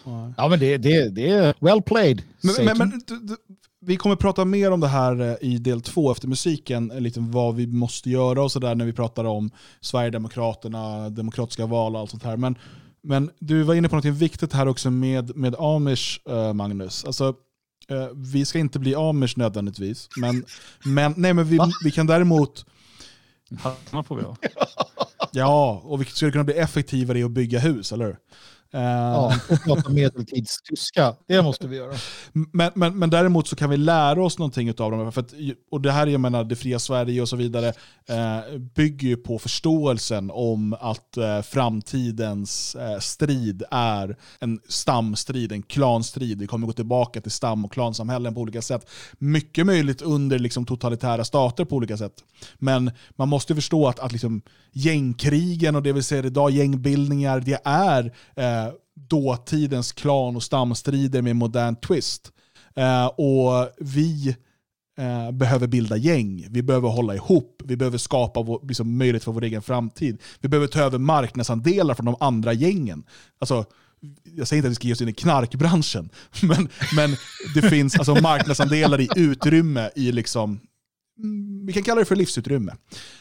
Men, och vi måste förstå, måste- att, vi, men vi måste förstå att vi är och, och, och vi skapar och vi bygger en stam en, en, en, som ska växa in i framtiden och det är dens intressen vi måste se efter. Och inte kanske stirra oss blinda på abstraktioner eller liksom gamla ehm, relationer.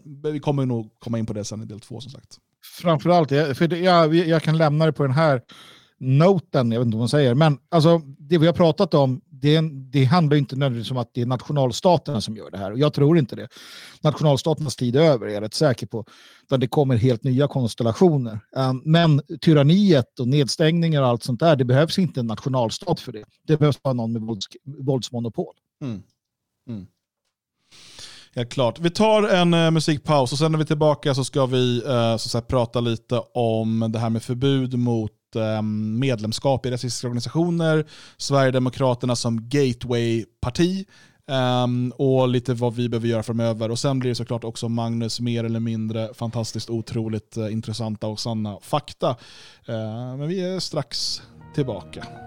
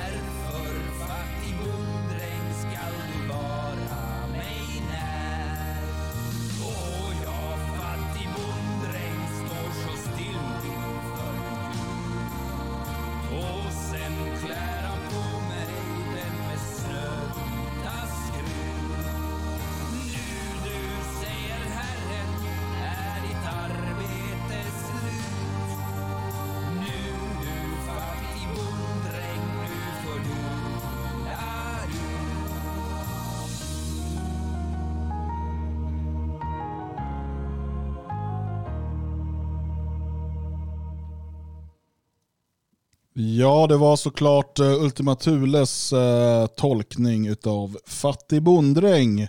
Ehm, drömmen ändå att vi alla blir fattiga bonddrängar, eller? Jajamän. Ja, det finns ju de som vill tillbaka till agrara. Va? Jag är inte en av dem. Eh, kan jag säga på en gång. Så där, jag, ska bara, för att jag, jag hade lite tekniska problem här. Jag, jag lär mig fortfarande. Efter alla dessa år. Tio år senare. Ja, ehm, rasistiska organisationer. Ehm, De är rasister. rasister. rasisterna. Man Rasismen. vill alltid, man vill alltid lyssna på uh, hon, uh, pen, pen, uh, inte pentrollet, den här stickan. Ja. Hon heter hon skriker. Silvana Imam. Just det. Men det ska vi inte göra nu, det, det, det Nej. har vi gjort tidigare. Ja. Ehm, Mm. nej, det var ju så att eh, för eh, två år sedan så uh, satte regeringen uh, ihop en kommitté som skulle jobba med en utredning eh, för att se om man skulle kunna förbjuda rasistiska organisationer. Eh, och eh, nu har då eh, källor till eh, TT eh, berättat att i april kommer ett förslag från den här kommittén och det kommer då eh, vara ett förslag om att istället då förbjuda medlemskap i rasistiska organisationer. Här, redan här är det ju värt att bara stoppa. Ja. Alltså vad, vad, vad, är det för jävla... Alltså, det här är ju, riksdagen tar ju sina representanter, liksom en från varje parti, så sätter de ju ihop en sån här kommitté. Och det är bara, ni ska utreda det här viktiga.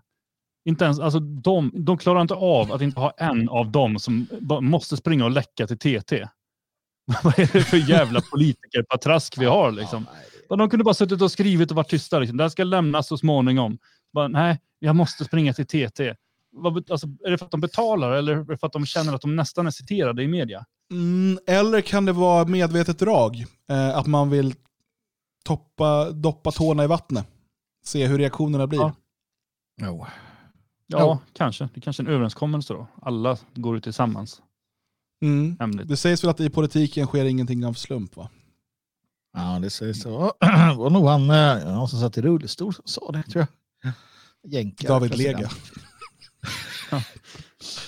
Men eh, just det, ja. Vi, eh, ja, men vi vet, det här har ju varit på gång, nu har man utrett det, det kommer någonting om det och det är fortfarande så dumt allting. Ehm, jag tycker det har blivit dummare för att vi hade ju den här diskussionen om man skulle förbjuda Eh, organisa- att man skulle kunna förbjuda våldsbejakande organisationer och därvid lag då naturligtvis medlemskap i dylika. Och eh, det är ju någonstans logiskt. Alltså det kan man förstå, det kan man sådär, ja men jag köper det, jag förstår hur ni tänker, jag förstår hur det skulle kunna se ut rent lagtekniskt och så, men så här, nu ska vi förbjuda folk att bli medlemmar och vara medlemmar i rasistiska, rasister, så gör man en most muscular som hon gjorde, rasistiska organisationer. Jaha, men hur fan ska ni lösa det då? Alltså, jag, jag ser så många olika problem här. Mm. Ja, det första att få veta vilka som är medlemmar i de här organisationerna. Mm. Ja, det, och det, precis, det finns flera sådana saker. här. Som att det här är ett förslag då som, kom, som ska läggas fram för regeringen. Eh, och vi har inga detaljer om det än. Det sägs dock att Liberalerna, Sverigedemokraterna och Vänsterpartiet är emot det här förslaget. De vill inte se ett sånt här förslag. Deras representanter i allians. Ja. Eh, men, och, och det är så här, då ska man kunna tänka sig, är det för att Sverigedemokraterna eh, är försvarare av yttrandefriheten och inte vill typ att NMR ska förbjudas? Eh, nej, eh, Jimmie Åkesson har ju själv varit ute och sagt att han tycker att eh, alltså nazistpartier eller nazistorganisationer ska förbjudas. Och, men han tycker också att islamistorganisationer och vänsterextrema organisationer ska förbjudas. Och det är då man kommer in på det här med våldsbejakande. Men varför gör man då så här? Varför lägger man det här förslaget? Jag eh, ser två anledningar. Det ena är ett förbud av organisationer kräver en förändring i grundlagen. Det är ganska bökigt. Eh, och eh, Då har man avskaffat föreningsfriheten. Det är det ena och därför kan man då bara istället förbjuda, eh, alltså göra det olagligt att vara medlem i eh, en typ av organisationer.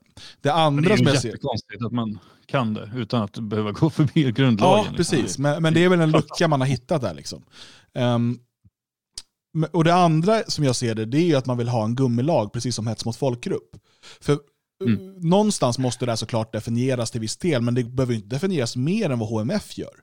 Eh, och om man då har en gummilag som säger att det är olagligt att vara medlem i en rasistisk organisation, så kommer man ju kunna tänja på det här hur mycket man vill. Och det inser nog Sverigedemokraterna också, och att kanske de, eller åtminstone deras vänner, ligger pyrt till då, ifall, ifall man låter det gå så långt. Men man måste ju begripa, sossarna till exempel, de, de skulle inte ha några problem med att förbjuda eh, Sverigedemokraterna. Mm. Man, man, vissa tror nog att så här, men SD är tredje största, andra största partiet, de är liksom immuna. Nej, det är de inte. Kolla på Lamsblock eller våra Lamsbelang eller vad de hette. Uh, kolla på hur, hur domstolen argumenterar i Tyskland till MPD. Ja, nej, vi skiter i just nu. Ni, det är lugnt, men blir ni större så kommer vi förbjuda er. Um, det har inte funnits en möjlighet i Sverige, men här finns den ju om man gör så här. Och, och det är ju därför jag tror att som sossarna och liknande partier, de vill ju ha den här lagen, de vill inte ha våldsbejakande. Såklart inte. De, de är inte särskilt oroliga för det. De är däremot rädda för rasisterna. Och, och där tror jag att det finns en äkta rädsla också. Förvisso helt, helt jävla absurd. För att eh, det är ju inte så att det står rasistiska organisationer på rad i Sverige och de är ute och rasistar sig hela dagarna och det är fruktansvärt. Va? Det, det, det lynchas och det är klanen och allt möjligt. det, det finns ju inte. Um, men man, man, man har nog en rädsla för det, för man bygger upp det där själva och så vidare. Det har man gjort under alla år. Men framförallt är det ju för att, att man vill komma åt, och då, har man ju också gjort en liten definition här har jag sett, vad som är då rasistiskt. Då, framförallt var det antisemitism och afrofobi som regeringen, eller den här, då skulle ha kommit fram till att det är liksom själva grunddefinitionen. Så att eh, där, kan ni där fastnar ni i arabens skägg, araber. Liksom. Ja, det är många araber som ligger pyrt till där Ja, får man säga. fan. Båda deras största hatgrupper. Precis. Men, det, nej, men det, det som är ändå intressant i det här, det, det är ju att, att, att Sverigedemokraterna inte gör en större grej och verkligen protesterar Mm. på riktigt mot det här. För att eh, saken är ju så här enkel att Socialdemokraterna skulle mycket väl kunna förbjuda Sverigedemokraterna på det här.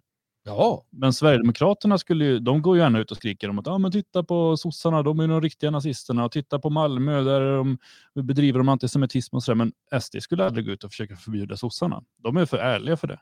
Mm. Men sossarna har inga skrupler på något sätt. De kan förbjuda vem som helst bara för att de är ett makthot.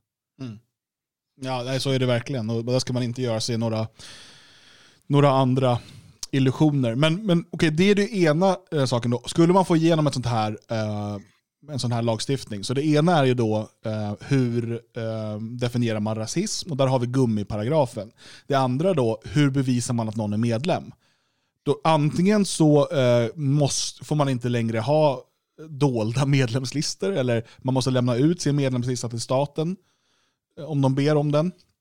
För annars är det ju bara att hävda nej, han är inte medlem. Alltså när Björn Björkqvist blir åtalad då för medlemskap i den rasistiska organisationen Det Fria Sverige, då säger vi nej, nej, Mm. han är inte medlem. Hur ska de motbevisa det? Men han sa här, han har varit medlem, men han är inte det nu. Nej, nej Det blev ju olagligt ju. Ja. Då sprang jag. Var jag den första som stack? Och får, får de, rasistiska, de rasistiska organisationerna, de får finnas kvar alltså. Ja, men det är det här som blir så kul med hur formulerar man en sån här sak i lagen? Det blir förbjudet att vara medlem i lagliga organisationer. Ja. Men bara om de är rasistiska. Ja, men det är lagligt att ha föreningen. Men vi har ju ändå Arnstad. Mm. Ska han klara detta? Han vet väl vilka, vilka, som, nej, han vet vilka som är fascister, det är det han kan. Just det. Mm. Um, Expo kan ju berätta vilka som är rasister. Ja, men de skulle säkert hamna på någon typ av expertråd eller någonting. Ja, precis. Mm. Det är ju det. Uh, och, och, så ska, och just rasism är ju så kul också.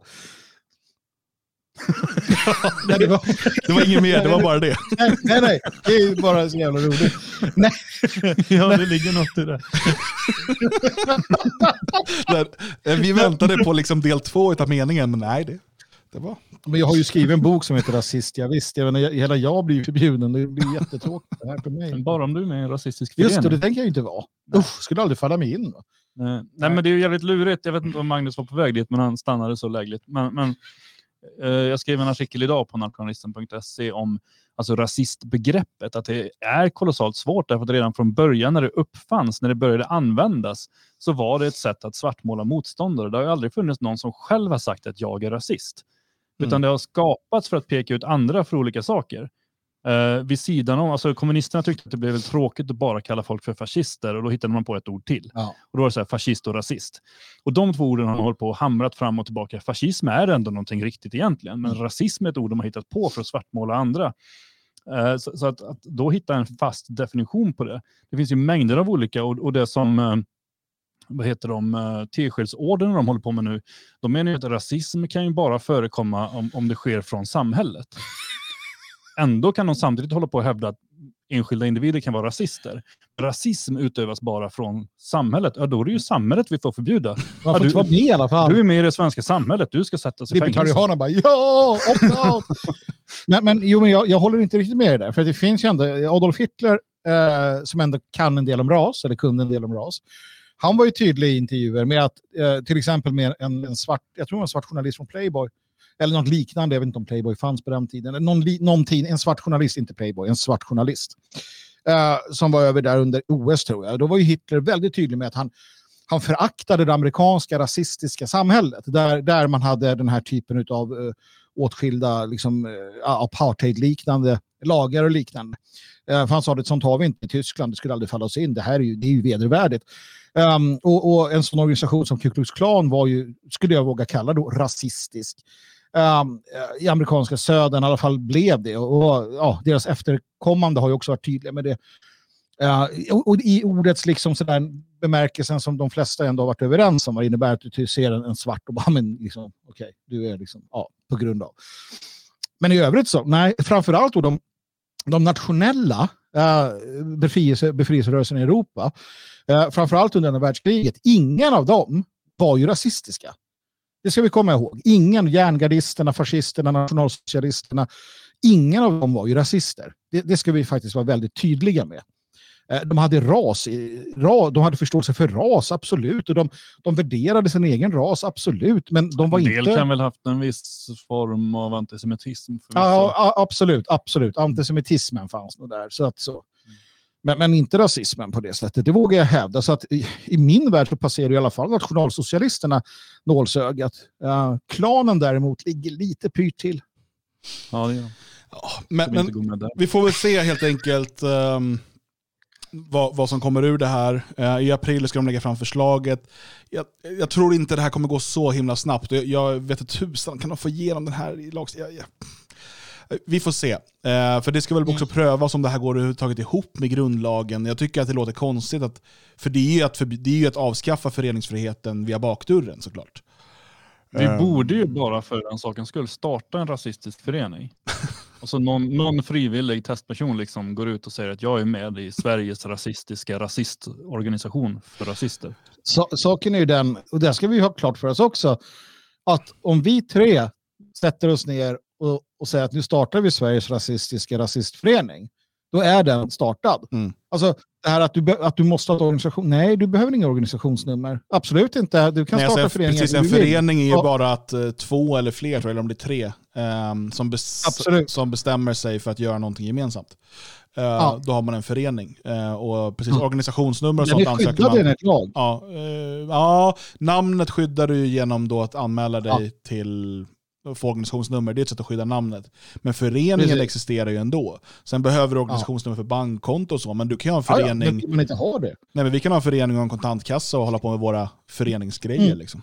Ja. Så att den rasistiska rasistföreningen kanske redan grundas någonstans i Sverige. Oss. vi väljer, jag föreslår Björn Björkqvist till ordförande. Alla som röstar för röst, räcker upp högerhanden nu. Jag är inte ens med i den här föreningen. Björn, Björn är ordförande för Rasistiska rasistföreningen. Grattis! Det, skulle, det skulle vara spännande om typ någon Folket i bild eller några andra såna här yttrandefrihetsförespråkare startade en sån förening. Nils sen liksom- Funkes rasistiska förening. Ja, och sen ändå vara så här tydliga med att nej, vi är antirasister. Det skulle vara spännande att se om en antirasist som är medlem i en rasistisk förening kan dömas. Ja, det blir spännande. Ja, Vi- ja, vi, ska, vi får återkomma till det här längre framöver. Jag tänkte att vi måste prata Sverigedemokraterna. Ehm, för jag, jag hamnade igår, uh, tror jag det var, ja, igår en diskussion på, på Twitter. Ehm, och eh, det var en ganska konstig diskussion i sig, men det kom fram en, en intressant tankegång där som jag eh, har hört många gånger. Jag tror att ni känner igen den också. Och det var att eh, vi, nationella, måste stödja Sverigedemokraterna, eller alltså det är bra för oss att stödja Sverigedemokraterna um, nu, för att det är bra om Sverigedemokraterna blir största parti, eller till och med regeringsparti, uh, så kommer det i sin tur öppna upp för partier som ligger närmare oss ideologiskt, alltså etniskt, etnonationalistiska partier som vill ha till exempel storskalig eh, återvandring och ett svenskt Sverige. Till skillnad från Sverigedemokraterna som vi vet att de inte, det är det de vill. Um, och idén är då att eh, människor behöver ta saker stegvis. Så att det, det, det är så stort steg att, att um, sympatisera med ett, ett nationalistiskt parti. Så att man först och vänjer folk vid Sverigedemokraterna. Och sen kommer de då vara beredda att eh, stödja nationalistiska. Jag, jag försöker förklara premissen här. Mm. Eh, den här känner, har ni hört det här förut också? Mm. Jag har hört i 30 år. Kan jag säga. Ja. Typ. Ish. ja jag har men, själv men, trott det men men okej. också under de åren. Kan jag säga. Ja. Idén är ju då alltså att det är bra för oss, sverigedemokratiska framgångar är bra för oss som inte vill ha sverigedemokratisk politik utan vill ha nationalistisk politik. För att det kommer öppna upp för nationalistiska partier. Och Mm. Människor som påstår det, påstår det utifrån en tro på det. Alltså de tror det. För de har ingen som helst data som backar upp det. Utan det är ju en, en föreställning man har. För det kan ju låta rimligt. Om du, om du bortser ifrån verkligheten och hur verkligheten ser ut i, i resten av världen, där sånt här har skett tidigare, så Jo, låter det ju... alltså, Ja. Resonemanget är ju ungefär som det, man ser, som det är tvärtom. Att man, man eh, måste koka grodan och sådär. Uh, börja sakta och, och öka på liksom. Men problemet är ju att det, det håller ju inte vid en närmare granskning. I så, alltså, vad ska vi säga? Sverigedemokraterna har ju själva varit ett ganska nationalistiskt parti. Mm. Och de fick kolossala bekymmer när Ny Demokrati kom in i riksdagen. Mm. Det var inte så att de vann på det, utan de tappade på det. Däremot när Ny Demokrati sen blev osams och sprack och gick under, då vann de ju en del folk. Jag- tänker också att bara liksom innan vi går in på, eh, på, på det andra här så finns det också det att Sverigedemokraterna vill ju förbjuda alla som är åt deras håll, men som inte är dem. Mm. Det har du sagt. Skulle de hamna i regering, eh, få regeringsmakten eller 51 procent, det är klart att, eller skulle de då så här, haha, ha, där sa vi bara, AFS och var SMR och allt, ni är välkomna, vi bildar allians med er. Så här, nej, det är klart de inte gör. Va, eller? Nej, precis. Det, och det är en sån sak. Sverigedemokraterna, när vi pratar organisationsförbud så är ju Sverigedemokraterna eh, förespråkare utav det. Eh, och vill då Mm. förbjuda vad de kallar då nazistiska eh, organisationer. Men, och så det, det är ju en sån sak. Och, och jag tänker ändå att när man påstår någonting så, eh, sånt här så kan man säga, okay, finns, det någon, liksom, finns det någonting som backar upp det? Och det enda sättet vi skulle kunna ta reda på om det här stämmer, det är ju att titta på länder som liknar Sverige. Eh, Mm. Där partier som Sverigedemokraterna, liknande partier, har haft stora framgångar. För att, eh, och speciellt om de kanske haft det liksom ett tag tillbaka i tiden. För då borde man ju i de länderna nu ha sett den här utvecklingen att eh, mer då radikala eller etnonationalistiska partier går framåt. Så vi kan väl bara börja i liksom våra kära grannländer. absolut, Um, absolut. Låt Vi har. Frem, Fremskrittspartiet i Norge. Eh, De har suttit i regering och de har varit stora i 25-30 år. Ja, de har varit, på, varit ja, länge.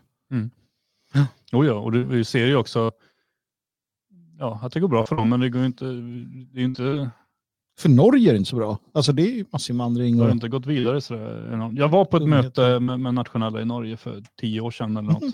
berätta. Och då eh, satt de ju där och sa, det var, ja, för det var innan Sverigedemokraterna hade kommit in. Eh, För vi hade ju lite grann tanken att kommer Sverigedemokraterna in, då kanske det börjar lossna lite. Där var ju Fremskrittspartiet inne och då satt de och sa att bara Fremskrittspartiet kommer in i regeringen, då kommer det lossna. För då Ah. kommer folk märka. Nu har ju de kommit in i regeringen va? Eh, och det lossnar inte i alla fall. Nej, det är ju väldigt... eh, jag vet- Men vi kan ju konstatera funka i att- Norge. Eh, Eller ska vi ta Danmark istället? i, ja, men I Norge funkar det inte. Nu kommer det musik någonstans där. Jag hör ingenting. Jag hör Nej, det, det går inte ut till er. Eh, Det var skönt. Då kan vi fortsätta jag sen. vet inte var det kommer ifrån. Dan! Du måste titta. Det är någon flik någonstans. Sänder du det till Nu. lyssnarna? Ja. Där är det. Nej, ja. jo, nej, jag vet inte. Lyssna. Livsfarligt. Eh, det var, plötsligt började Kvinnofällan spelas här i, jag vet inte varför. Ah, ja. Ja, Eh, en kupp. underligt. Ja, det kan vara en kupp Eller det är Frida och Herr som har tagit sig in på linjen. Där bara. på något sätt. Piratradio från utanför kusten. De sitter utanför Bremerhaven. I någon jävla båt. Någon jolle. Med en groda på. Ja, teknikerna funkar alldeles för bra i den här sändningen. Så att, nu- Eh, eh, ja, okej, nej, så fr-. Okej, Fremskrittspartiet, stora framgångar under lång tid. Eh, ett eh, radikalt nationalistiskt, eller liksom ett återvandringsparti i Norge. Noll framgång. Mindre än i Sverige. Och invandringen fortsätter. Jo, jo, invandring men det är Norge. Okej. Det är Norge. Vi tar Sluta nu. Danmark då. Danmark, Ja. Dansk Folkeparti. Ja. Stort parti, var större tidigare, nu har de gått tillbaka lite, men de, var så, de har suttit i Ja, regeringen, eller varit stödparti åt regeringen va? Ja. Ehm, och ehm, under lång tid. Mm. Återvandringsparti i Danmark, ehm, danska nationella rörelsen. Mycket, mycket, mycket, mycket liten. Betydligt mindre än i Ja. Sverige. ja, går inte bra. Nej. Nej, alltså du har ju det här... Det var äh, han som brände koraner? va? Ja, men du har lite koranbränn. Men du har ju hon också. Var inte någon snygg tjej som hade något borgerligt parti där? Startade upp något, sen hörde vi inget mer om det. tror jag inte heller. Ja, men Det ni, jo, men ni borgerliga, det kommer ju fler sådana här populistpartier. Men vi- det, det senaste vi hade var ju Ja, Danskarnas parti, eh, som på många sätt var en enmansshow och inte fick de här stora liksom, politiska framgångarna. Ehm, Mm. Som man då hade kunnat vänta sig. För då får man tänka att Danmark är ju typ 20 år före Sverige. Så att det här är ju då där Sverige ska vara 2040, alltså typ några år innan vi blir minoritet. Ehm, och då ska det, Mm. inte ens då, om man skulle följa Danmarks tidslinje, sker det här. Vart det massinvandring 2014, 15, 16 i Danmark också? Eller var de så här, stod de då med danska flaggor, Dannebrogen vid gränsen och så här, nej, vi har Nej, Danmark har fortfarande stora massinvandringsproblem, eh, problem med islamism Ja, och allt. men okej. Ja, Ja, men det fast här, det var ju ändå fem, sex eh, muslimer som åkte till Islamiska staten. De fick inte komma tillbaka. Så Nej, det men är okej. ändå, ändå några som har fått. men okej, men dan- det är danskar, kom igen nu. Eh, Ja, ja, men det här är, det här är alltså ett, ett unikum. Norge och Danmark. Vi har ju fler. Kom igen nu. Ja, vi kan gå till Tyskland då. Ja, Ehm, Det finns, skulle jag säga, i dagsläget två eh, radikala etnonationalistiska partier i Tyskland. Det är NPD och det är Dritte Weg. Eh, NPD är nationaldemokrater, Dritte Weg är nationella socialister. Det heter så Mm. i Tyskland. eh, eh, och NPD hade stora framgångar under 00-talet för att vara ett radikalt nationalistiskt parti. Eh, då fanns inget eh, populistparti i riksdagen, eller i Bundestag. Mm, Nej. Ja, Sen kom, alternativ, sen kom Alternativ för Deutschland, Åh, blev. Tysklands tredje största parti. Och NPD tappar massor av röster. Nu har vi inte kommit så långt att AFD är ju inte i, riks, eller liksom i regeringen. Eh, så vi har inte Mm. kommit så långt. Men ingenting tyder på den utvecklingen. Nu, men nu kanske det är så att AFD måste komma i regering och då kommer... Mm. Det skedde inte i Danmark, det skedde inte i Norge, men det kanske sker i Tyskland. Men, men, men, men dritt iväg, de har, mm, de har ökat och tar makten i olika bundesländer hela tiden va? Nej, nej. De har ett par kommunala mandat, men det har tyska nationella alltid haft. Eh, alltså det, det är ganska vanligt i Tyskland. Eh, 30-talet. NPD gör sina sämsta val på, på eh, decennier eh, och förlorar, borta ur alla eh, delstatsparlament eh, och förlorat väldigt många kommunala mandat. Eh, och de säger själva att det är omöjligt för dem att bedriva kampanj nu för att de, den vanliga väljaren kommer rösta på AFD. För att det, mm. Ja, ja, men det, Ja, det är ju men ta, ta Finland. men det här är gamla alltså, det är ju gamla nazist-Tyskland, det är klart att de har trassel där, kommer aldrig funka. Det, det här är taskigt, alltså Danmark har ockuperat, eh, Norge också och, och så Tyskland. Då. Det, det här är ju bara för att du ska vinna nu. Men alltså alla länder var ockuperade. Vad ska, ja, du sa ju västländer. Nej, men ta, ja, men ta, ta Finland. Ja, de, Var, Finland. de var ju i krig med kommunisterna. Precis. Just det. Eh, Sannfinländarna, Tum. eh, väldigt eh, starkt parti, gått framåt starkt och sådär. Eh, Vad, det radikala etnonationalistiska partiet med framgångar i Finland, vilket är det? Lapporörelsen. Nej, det var då. Ja, det var länge sedan. Ja. det jag vet att hon- det grundas ett nytt parti nu och det finns sådana här rörelser, men, men eh, ingenting har ju visat att när Sannfinländarna blev stora så kom det då i... För det här är också, sån, det här är också antirasisternas tes ofta, att då i svallvågorna kommer någon typ av radikal, ny, nynazistisk rörelse. Han var väl ändå... Ja, just. Eh, Däremot, eh, precis som sades i chatten, här, NMR då, som, som fanns i Finland tidigare, de är ju förbjudna nu i Finland. Ehm, Just det. Men om, Ja. om de inte hade förbjudits, då hade inte den här liberala kvinnan varit eh, statsminister och president eller vad hon är och hela regeringen bestått av fruntimmer under 25. Det finns ingenting som Nej. tyder på detta. jag kan inte säga att det, jag har inte den alternativa tidslinjen så jag kan inte, kan inte utesluta det, men det finns inte mycket som tyder på det. Just Nej. det. Eh, Nej, men okej, det är Finland. Du rör i Norden, här är vi särdeles tröga. Det Okej, finns andra Nederländerna länder. då? Det fan, där händer det Just grejer. Gert Wilders. Gert Wilders, Mm. fantastisk. Ja, har jag haft, firat framgångar i, i 20-25 år nu. Ja, ja. Berätta mass- nu för mig om det radikala etnonationalistiska partiet som står för återvandring som har vuxit i svallvågorna utav Gert Wilders. De ligger och röker braj på Reeperbahn. Okej, det är knarket Ja. som förstör där. Ja, Ehm, det är knarket. Frankrike, eh, Front National eller Rassemblement National, som då har liberaliserats eh, till oigenkännlighet faktiskt de senaste 20 åren. Framförallt De blir de nästan tio. presidenter nu. De, Nästan. de kom ju in som ganska radikala. Precis, de kom in som väldigt radikala nationalister faktiskt. Eh, under under De Jean-Marie Le Pen. En pirat som var deras ledare. Eh, och i, i dags, alltså man har gett upp fråga efter fråga efter fråga, man står inte för någon stor återvandringspolitik längre, eh, man har blivit anhängare av republiken, Ah, liksom, man har släppt mycket av det man stod för. Ehm, bakom kommer inget radikalt nationalistiskt alternativ. De som har eh, försökt, typ identitärer, nu under, ska förbjudas. Du har ehm, eh, vad heter de, Action François. Ihåg- Det finns två, tre till organisationer med bra nationalister, alla förbjudna nu. Ehm, Mm. Så där har det inte blivit så. Ehm, men vi Österrike, Österrike, Österrike precis. där kom den lilla killen ifrån. Österrike, där, så ja. Adolf Hitler. Adolf Hitler. Efter han, eh, Jörg Haiders, eh, FPÖ och sen då HC Strache, ehm, de har ju gått upp och ner och sådär. De, var ju i- de var ju i regeringen i slutet av Mm. 90-talet. Mm. Sen eh, när Haider dog så ehm, tappade man. Sen kom man upp med Strache igen och så kom den här Ibiza-videon och så har man tappat igen. Bakom dem, radikalt nationalistiskt parti med framgångar i Österrike. Nej. Ja, men skit i dem då. Eh, jag tänker, har du inte hört senaste? Vi hade alltså eh, eh, Salvini i Italien, satt regering, han var inrikesminister. Det går fantastiskt bra för... nej, Eh, nej. Eh, Italien är intressant. Det är lite annorlunda Italien ska jag säga. Och jag tycker att någonstans när man börjar lämna de germanska länderna och sådär så blir det svårt att jämföra. Eh, Ungern! De, där blev nationalisterna något helt... De blev vänsterliberala. De blev vänster ja. Jobbik blev, Ja. eh, Jobbik började samarbeta vänster. med Liberalerna. Det är mycket underligt.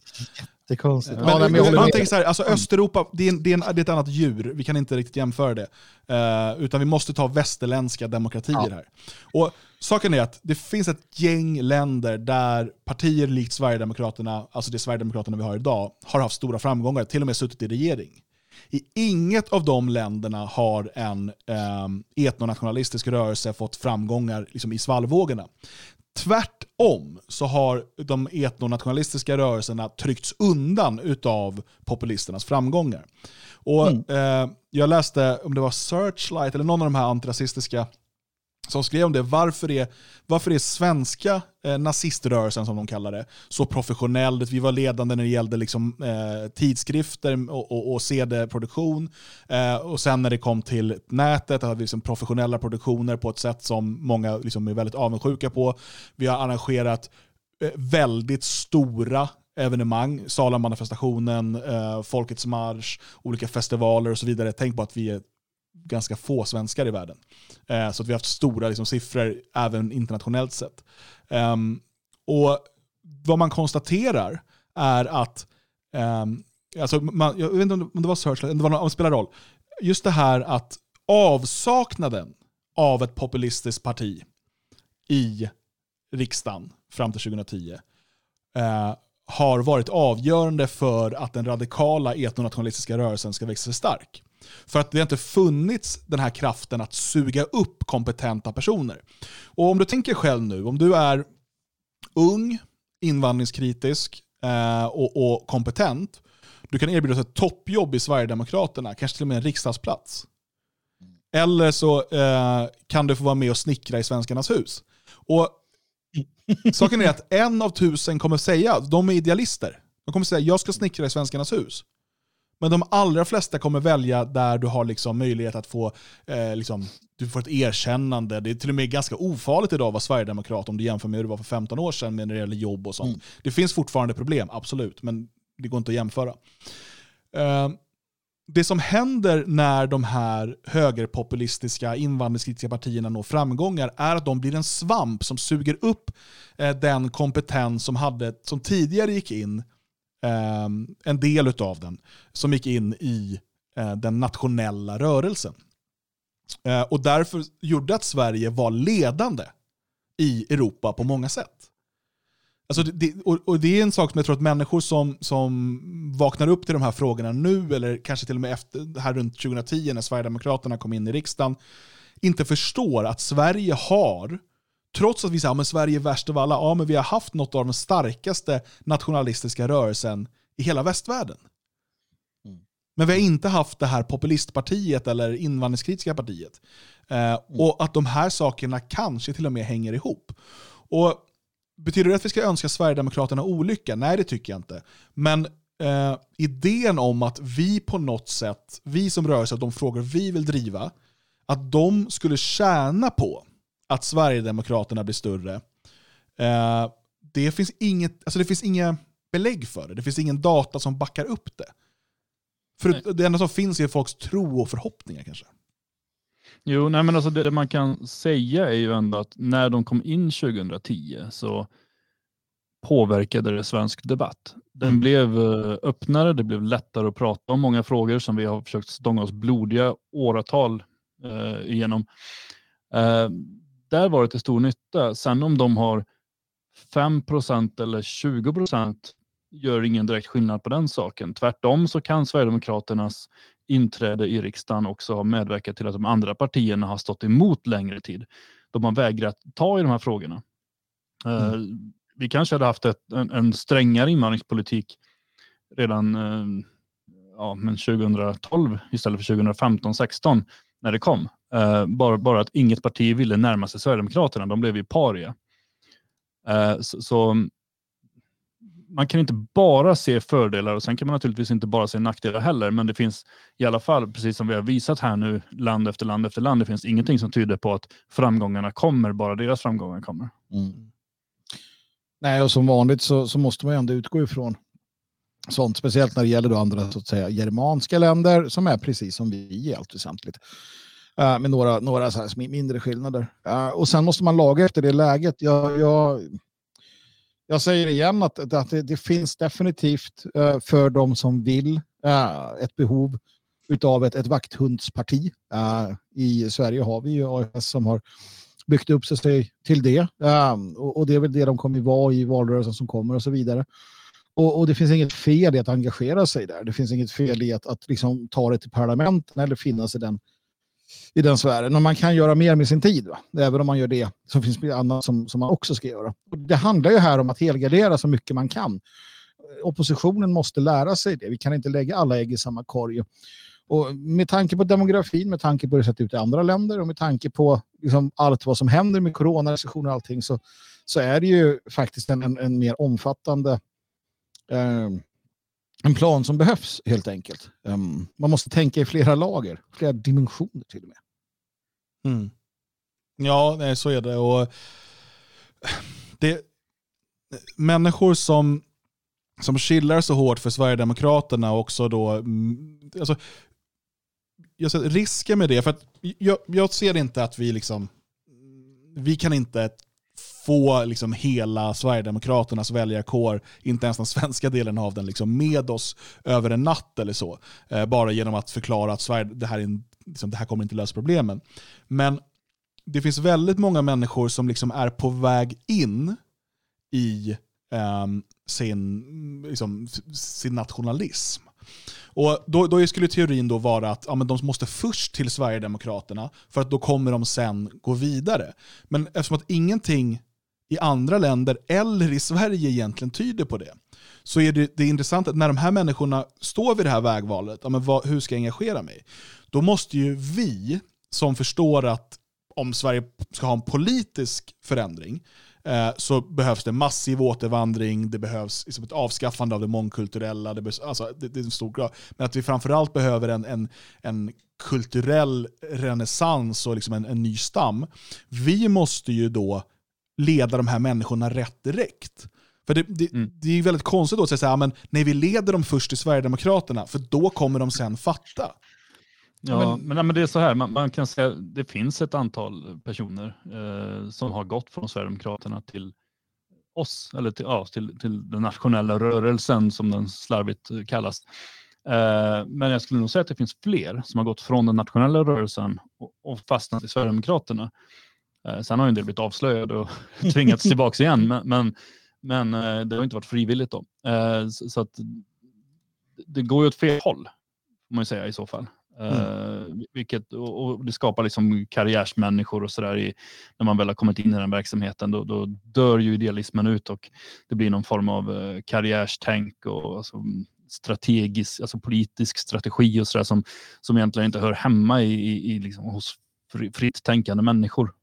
Mm. Men det, det, är inte så konstigt, människan är som den är här också. Absolut. Uh, och, och, och, det är det att, jag menar, varför skulle du, om du om du kommer till ett gäng där du har en del hyfsat kända profiler från tidigare som liksom eh, pratar och det är lite liberalt och härligt och man är lite Sverigevän och, och sådär. Va varför skulle du liksom så här, men jag tar steget bort från den här eh, enkla vägen och så tar jag en jävligare väg. Det är ju bara ett fåtal som gör det.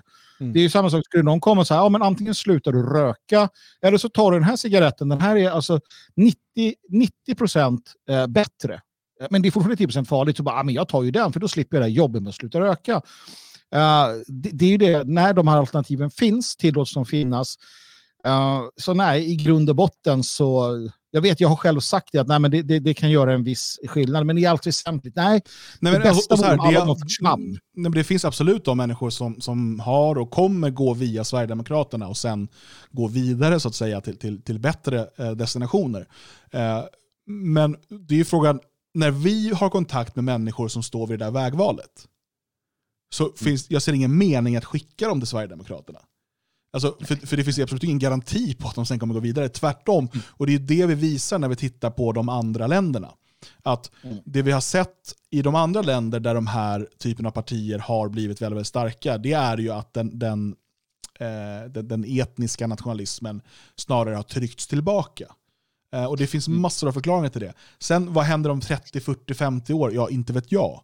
Eh, men, men att hävda att vi behöver, liksom, att det är bra för oss att Sverigedemokraterna går framåt, eh, det tycker jag, det, det, det, det, det är inte överensstämmande med den verklighet vi kan se i länder där liknande saker har skett, utan snarare har det varit dåligt eh, för oss. Eh, sen är det klart så här att jag jublar över vänstertårar och liberala tårar. Eh, jag tycker att det är kul att Sverigedemokraterna går framåt, för jag ser någonstans är det en signal ifrån svenskarna att de liksom faktiskt vill göra någonting åt det här. De, de kanske till och med tror att de röstar på ett avskaffande av mångkulturen, många av dem. Absolut, och jag, vi ska ta de segrarna.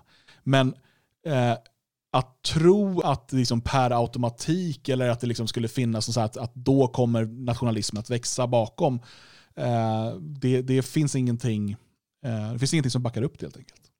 Nej, men det är ju så här, ska man rösta ehm, så- bör man ju rösta på det man tycker är bäst. Alltså, det är egentligen inte så mycket svårare än så. Eh, känner man ändå att jag måste strategirösta på Sverigedemokraterna, då får man banne med läsa igenom hela listan, gå igenom på var, varenda person vilken den är och så kryssa den personen som man vet egentligen är betydligt bättre än vad, vad partiet är. Likadant, jag menar, röstar man lokalt, eh, det finns massvis av bra sverigedemokrater runt om i kommunerna. Rösta på dem. Mm. Men rösta inte bara slentrianmässigt på Sverigedemokraterna i kommunen, för det sitter mycket riksidioter och totala puckon också Mm. runt om i kommunerna. De är inte värda en röst. Men sitter någon, alltså jag, jag bodde i Borås förut, jag gick ju till valstugan där och frågade vem av er, alltså vem på er lista är mest invandringskritisk, driver frågan hårdast. De bara, nej det kan vi inte svara på, vi har uteslutit sådana människor, så jag röstar blankt, för att jag vill inte ge dem en röst. Mm. Och säg det till dem. Ehm, Absolut. Ehm, skriv gärna kommentar under det här avsnittet eller så vad du tänker kring de här ämnena som, som vi har diskuterat. För nu, nu blir det allvar kamrater. Nu blir det Magnus eh, relativt seriösa och eh, fantastiska fakta. Helt säkert mer eller mindre sann och fantastisk fakta. En sann fakta är att Magnus mer och mer börjar gå ur bild. Så att han är Jaså? Ja, där. Ja. jag är tillbaka igen. Ja. Hej hej. Hej. Eh, ja, vi börjar direkt hoppa rakt in i den här fantastiska faktan när ni nu blir fortbildade av mig med följande lite skrämmande men ändå eh, spännande fakta.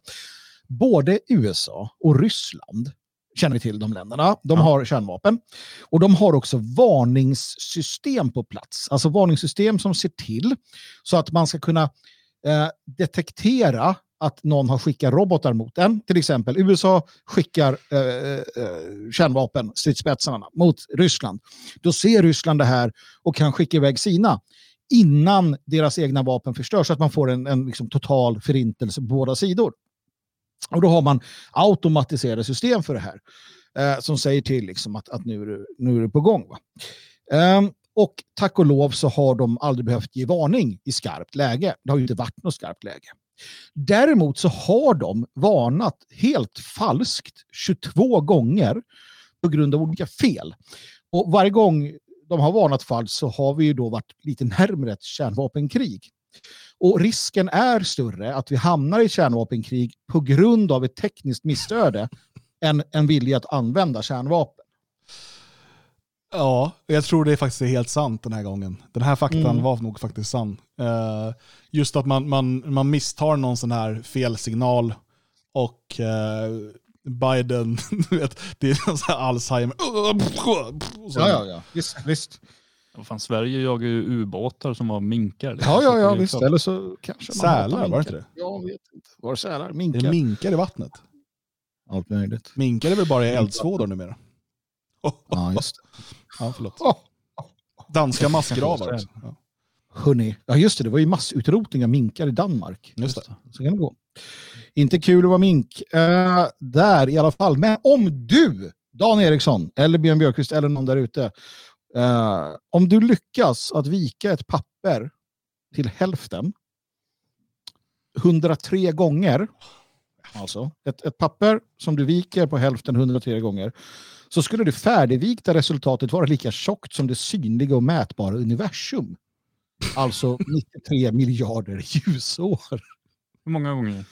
103 gånger ska du vika ett papper på mitten. Uh, Alltså här har du ju eh, eh, compounding effekt, alltså ränta på ränta-effekten typ.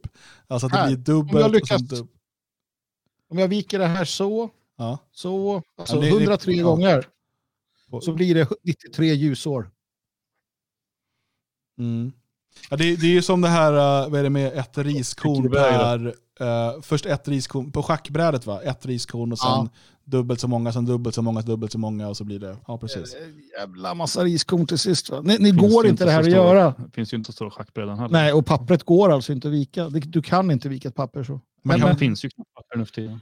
Nej, nej det är också vet du, hade det funnits så. Eh, Vika sin laptop. det finns ju också någon sån där idé, du kan inte vika, att, eh, göra en ordentlig vikning med en, ett par stycken. Jag kommer inte ihåg Nej, just det, blir det liksom- spelar ingen roll hur stort pappret är. Det går ändå. Nej, precis. Mythbusters lyckades dock vika en, tror jag, extra. För då hade de en, äh, det, pappret var, stor, var jättetunt och stort som en typ så astronauthall. Stor som en astronaut. Äh, men jag tycker, jag tycker det är fascinerande. Och det ni också lärde er nu, Precis, alltså, förlåt, sju gånger är maximalt men att Mythbuster lyckades på åtta, ja, precis. Mm. ja. Men det jag hoppas att ni lärde er också, det är att ljusår, det är alltså ett längdmått. Mm. Ingenting annat. Hur långt Det är, är det alltså hur, ja, det är ett ljusår. Det är så långt som ljuset går på ett år.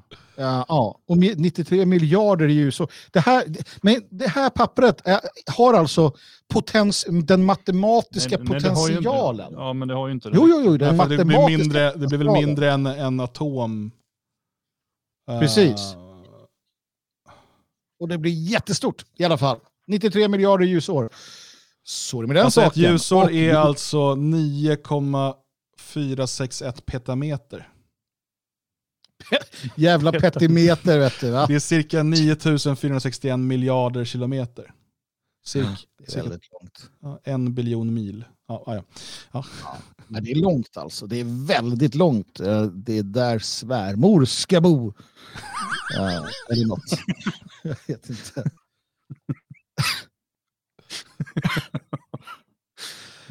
Då är det så här i alla fall att 1665, på tal om corona, 1665 så slog pesten till i London. Och alla som hade möjlighet, alltså pengar nog, de flyttade ut på landsbygden eh, ganska omgående. Tråkigt nog för alla som blev kvar så har ju doktorer det ganska bra ställt. Eh, och det visade sig att i princip alla doktorer drog från London ut till sina landställen. och sket i vilket. Så folk gick runt och dog. doktor, doktor. Fan, Du blir aldrig så glad som när du tänker på att folk dör, Magnus. Jag tycker det är Ja, intressant. men det är just, jag, jag ser det framför mig och då ser jag också hur, hur, hur sådana här låtsasdoktorer, så här, ja jag är doktor, och så här, kommer in och typ gubben håller på att dö, han ligger med tanten och så här. "Ja, Eller det här massa, är bra. massa hedersdoktorer från olika universitet som bara, "Men jag är doktor. Eh, Göran Persson kommer in. Med hatt. Alla har hatt. Doktorshatten på. Nej men det är ju lite sorgligt för dem att så här, doktorerna drog helt enkelt. Men visst, man vill ju inte ha pesten. Alltså bara för att man är doktor så vill man ju inte dö i pest. Nej, Nej, Det är nej, sällan de två sakerna hänger ihop, att just för att man är doktor vill man dö. Ja, man vill bli sjuk. Jag vill ha jävligaste sjukdomarna. Det var skulle därför vara den svenska doktor. sjukvården då. Man bara, nej, jag orkar inte. Nej, det ska vara den då. Det är möjligt. Eh, vi fortsätter och allmänbildar oss lite om andra länder. I, i Ontario, i Ontario i Kanada. Ni vet Kanada. Mm, Ontario, till. eh, där, provinsen Ontario. Där ligger något som heter eh, Thousand Islands. Och det är inte den här dressingen. Alltså, Det ligger massa sånt där. bara. det- Sjukt konstig installation. Det bara ligger en massa Thousand Island-sås. Man kan gå och plocka såsen. Men undrar om den såsen har något med det här att göra. Ja, I alla fall, där ligger alltså då något som heter Thousand Islands. Och det är alltså ja, en massa öar eh, som ligger där. Um, och, och bland de här så finns det en ö som rymmer precis ett hus, en liten trädgård, ett träd och några buskar. Och det är precis det som är byggt på den. Och ön heter Just Room Enough Island. Ja, fast å andra sidan kunde man ha byggt huset lite mindre. Eller Ja, lite större. så Och var det måttet en liten Nej, nej. trädgård? För det är exakt Ja, ja. en liten trädgård. Ja, eh, för Just Enough. Eh, eh, och, och den hette nog Just Enough Island precis innan, alltså innan man byggde den. Heter inte Eh. såsen Rhode, Rhode Island? Eh, jo, det gör den ju också. har ju inget med Thousand Islands att Eller göra. finns det Thousand Island. Island-sås? Jag tänkte jag inte hört talas om den här Thousand Island-såsen, men jag vill inte verka dum. Rhode Island har ju... Men det, det finns massa- Thousand Island dressing. Gör det det? Och Ica har det hemmagjord Thousand Nej. Island. Men det är någon på annat Ica. va?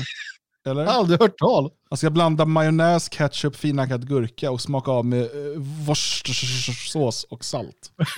Det är ju ett Jaha. recept. Ja, då får man en hemmagjord Thousand Island enligt Ica.se. Ja, de säljer ju inte den i butiken. Ja, det finns inte nog rum på den här ön att göra den dressingen i alla fall. Ni måste söka på det här eh, på eh, någon, Dan får berätta vilken sökmod som är godkänt för tillfället för han byter eh, lite då och då. Pre-search. Eh, och, och, jaha, research finns. Vad? Jag vet. I alla fall. Eh, och titta då på eh, den här Just Room Enough Island. Mm.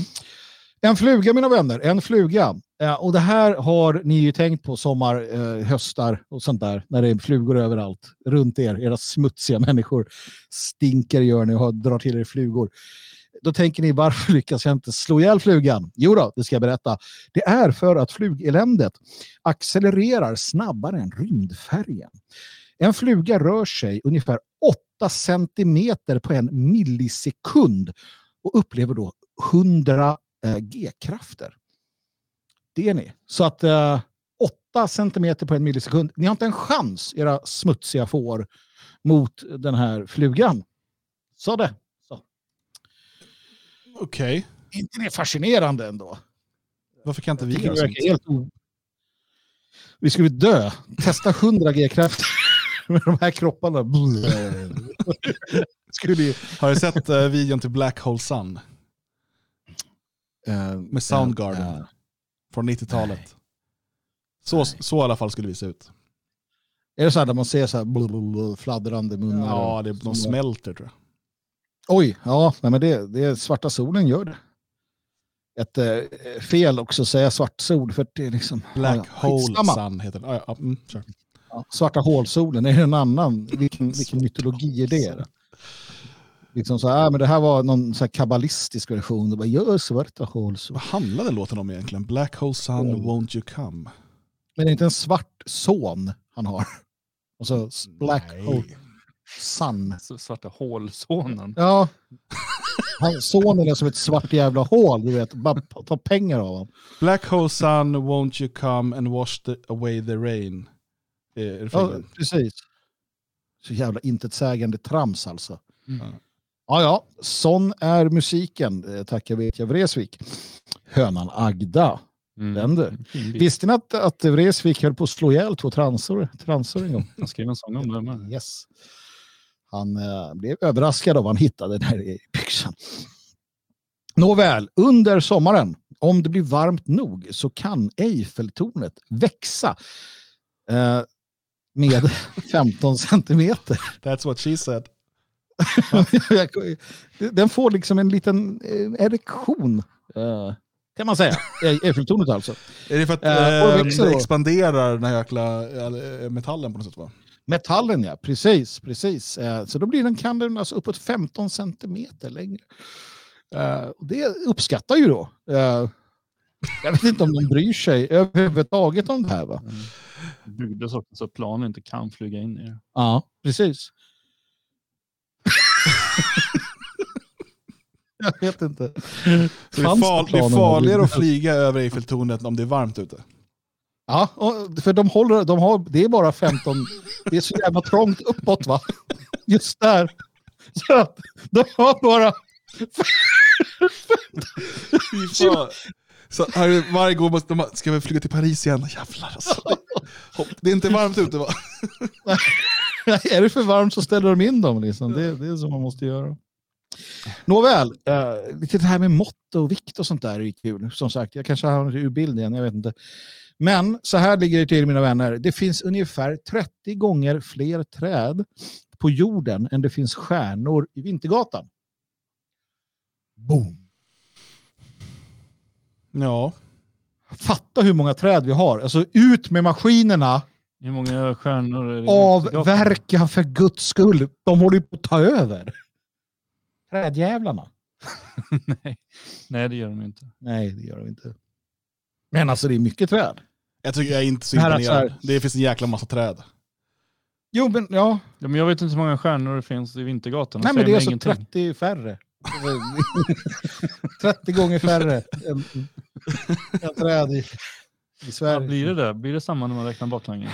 Jag vet inte. Jag vet faktiskt inte. Så är det inte när man räknar moms. Nej. Men det är så mycket träd i alla fall, så man behöver inte vara rädd för att det ska avverkas för många.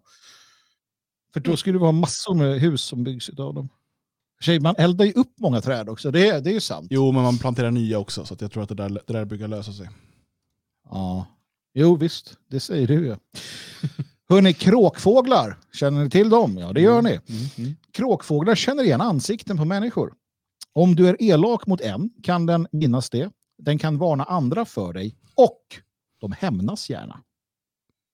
Det lät som du beskrev vilken kvinna som helst. Men det var kråkfåglar. Ja, kråkfåglar. Eh, faktum är att jag har tagit till mig det här. Men vadå, så de, de kan snacka med varandra också? Ja. Alltså, krak, krak, Ja. krak.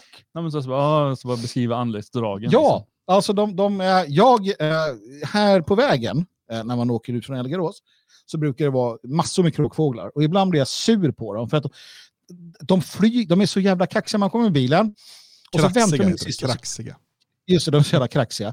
Så kommer man åkande, eh, så väntar de in i det sista och så sakta så här så att man nästan krockar med dem varje gång. Mm. Och vissa blir förvirrade och flyger åt fel håll. Som så här.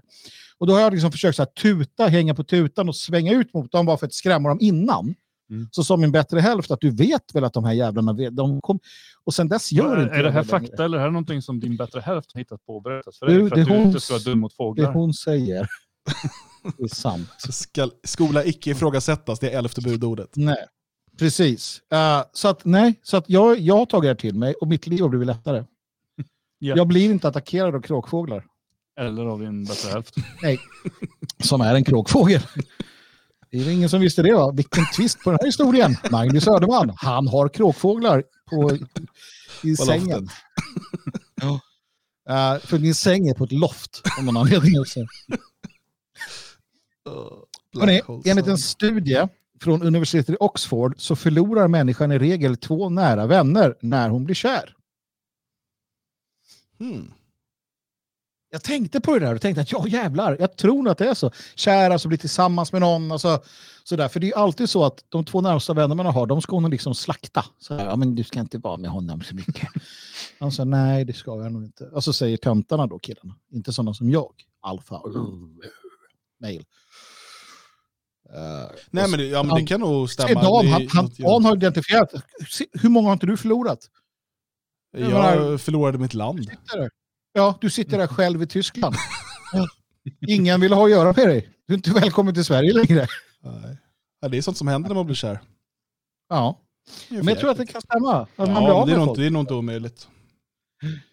Eh, Så bli inte det kära. Eller något. Men vadå, bara att man blir kär liksom? Ja, alltså det var vad Oxford sa, men jag tror vi, jag tycker att vi kompletterade det här lite bättre. Ja, för det är jobbigt så här om man inte blir ihop med den och så går man runt och blir kär i flera stycken. Så har man ingen människa omkring sig. Det är som jag som kan bli kär när man har drömt.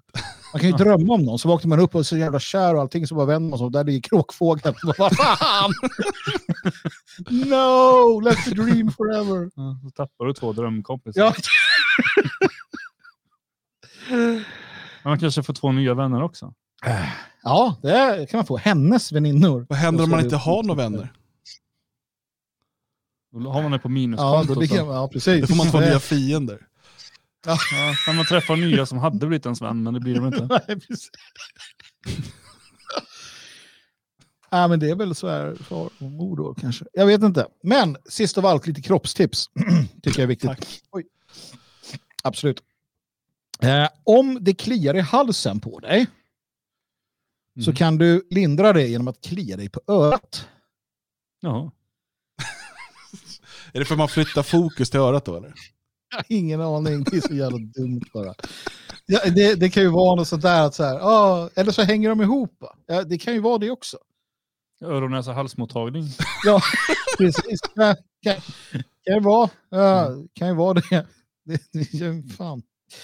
Så är det i alla fall. Och för att känna dig vaken, det här ska ni testa nu. Jag vill att ni gör det. Jag, jag testade tidigare idag. Eh, för att känna dig vaken, tryck på näsryggen mellan dina ögonbryn. Alltså här, tryck, tryck då, tryck hårt. Ska man bli vaken efter? Det var redan vaken. Jo, men jag känner mig piggare. Oj! Nog känner jag mig piggare. Bro! Hörrni, Vi kör en timme Va? till. Vi kör en timme till. Och bäst av allt, det här är en favoritrepris. Eh, garanterat fungerar. För att betvinga en kräkreflex, knyt vänsterhanden med tummen i, så. Knyt den hårt. Och sen så kan du göra så här. Snälla Om jag tar kräks nu, bort- det var så roligt. Om jag tar bort den och gör samma sak. så kommer kräkreflexen. Alltså, detta funkar. Och det här är content. Och det här var det sista jag hade. Killen står på. med corona här, så bara, jag ska försöka inte smitta ner för det sista han gör och bara spyr med en sån jävla stråle. Allt för vetenskapen. Nu vet ni hur ni ska göra. Det här visste ni inte. Det funkar, mina vänner och fiender. Jag vet inte vad jag ska ta vägen nu alltså. Det här... Ja. Ja, ni, jag vet, Vänta, ni jag måste trycka testa. lite här, jag måste bli piggare. Jag tänker, jag tänker första uppgiften här, om man vänder på det, liksom om det kliar på örat, ska man typ äta något så här taggigt då? Ja, det kan man göra. Men det hjälper inte. Men man kan. Ja, eh, på fredag när vi kör Fredagstinget, bor man i Stockholmsområdet eller vill ta sig till Stockholm eh, så kan man eh, uppleva Fredagstinget tillsammans med goda kamrater. Eh, det är nämligen så att medlemmar i det fria Sverige kommer träffas på fredag och bege sig ut i skogen, lyssna på Fredagstinget och grilla och ha det trevligt. Eh, tror jag, jag tror att det är det som kommer hända. Ehm, gå in på friasvenskar.se och kolla under evenemang. Anmäl dig om du vill vara med, ehm, så kan du uppleva Fredagstinget på ett eh, lite annat sätt. Fyra gånger har jag vikt den här. Jag är på väg. Jag är på väg till universum. Är... Och nu ska få in hela den här i halsen. Ah, Jimmy, Nintendo Jimmy har påmint mig här. Glöm inte kistan idag, det gjorde jag ju senast. Eh, vi ska öppna kistan såklart till alla er som varit med live här. Eh, och först så slänger vi i lite mera citroner där. Så att, eh, ska vi se. Jag slänger in 500 till där. Nu ska, vi, nu ska vi titta hur det här går till. Jag har nämligen D-Live live här. Nu ska jag få se hur det här går till. Jag sätter på play, för det kan vi göra nu. Ja, och så tar vi, dist- nu ska jag distribuera de här. Oh, 30 kolla. sekunder, nu är det nedräkning. Eh, vem? Kolla, kolla. Fem personer tiden kommer nu få ta del av det här. Ehm, efter du har lyssnat klart på det här, gå in på svegot.se och teckna en stödprenumeration. Se till att vi kan fortsätta med det här och fortsätta utvecklas. Vi eh, sänder eh, nästan varje kväll, eh, tre månader i veckan.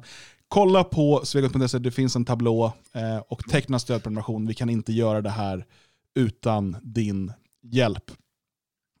Jag, jag måste säga en sak nu, Ja. innan du säger något.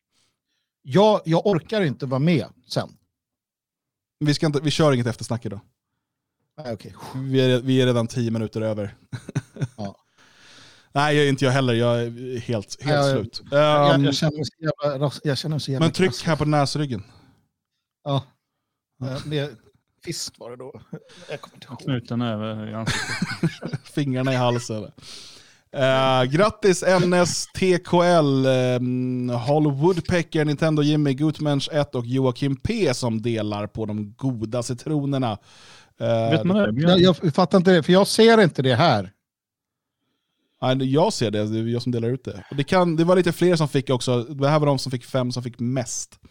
Eh, Grattis. och du som undrar då, om man är med under livesändningarna på D-Live, deltar i chatten, så eh, är man med i utlottningen av de här eh, citronerna, som är en typ av kryptovaluta faktiskt. Eh, Dessutom måste jag säga då att eh, nu eh, till helgen, början på nästa vecka, där skickas eh, det nya numret av Nationalisten, det trettonde numret i ordningen, ut till prenumeranter. Du ska prenumerera på Nationalisten. Eh, det är Sveriges enda nationalistiska tidskrift och det är, alltså, det, det är det bästa i tidskriftsväg som den nationella oppositionen har eh, producerat. Jag säger det helt objektivt. Ehm, så ehm, in på nationalisten.se och teckna prenumeration så är du med från nästa nummer. De 12 tidigare numren eh, går fortfarande att beställa som lösnummer, men några av dem börjar, det börjar sina i lagret. Så att, eh, vill du ha en komplett samling, se till att beställa dem också inne på nationalisten.se. Har ni något ni vill tillägga pojkar? Nej, jag har eh, uttömt mig. eh, har jag. Ja, Mm, nej, jag fastnar i de här citronerna. ja vi ska diskutera det här sen. inte. Men ehm, jag ska inte fastna där igen, utan eh, jag är nöjd. Tack och hej. Imorgon bitti, Sverige vaknar 08.00, då hör ni Björn igen och med Ludvig. Eh, vi tackar för oss och önskar en fortsatt härlig vecka.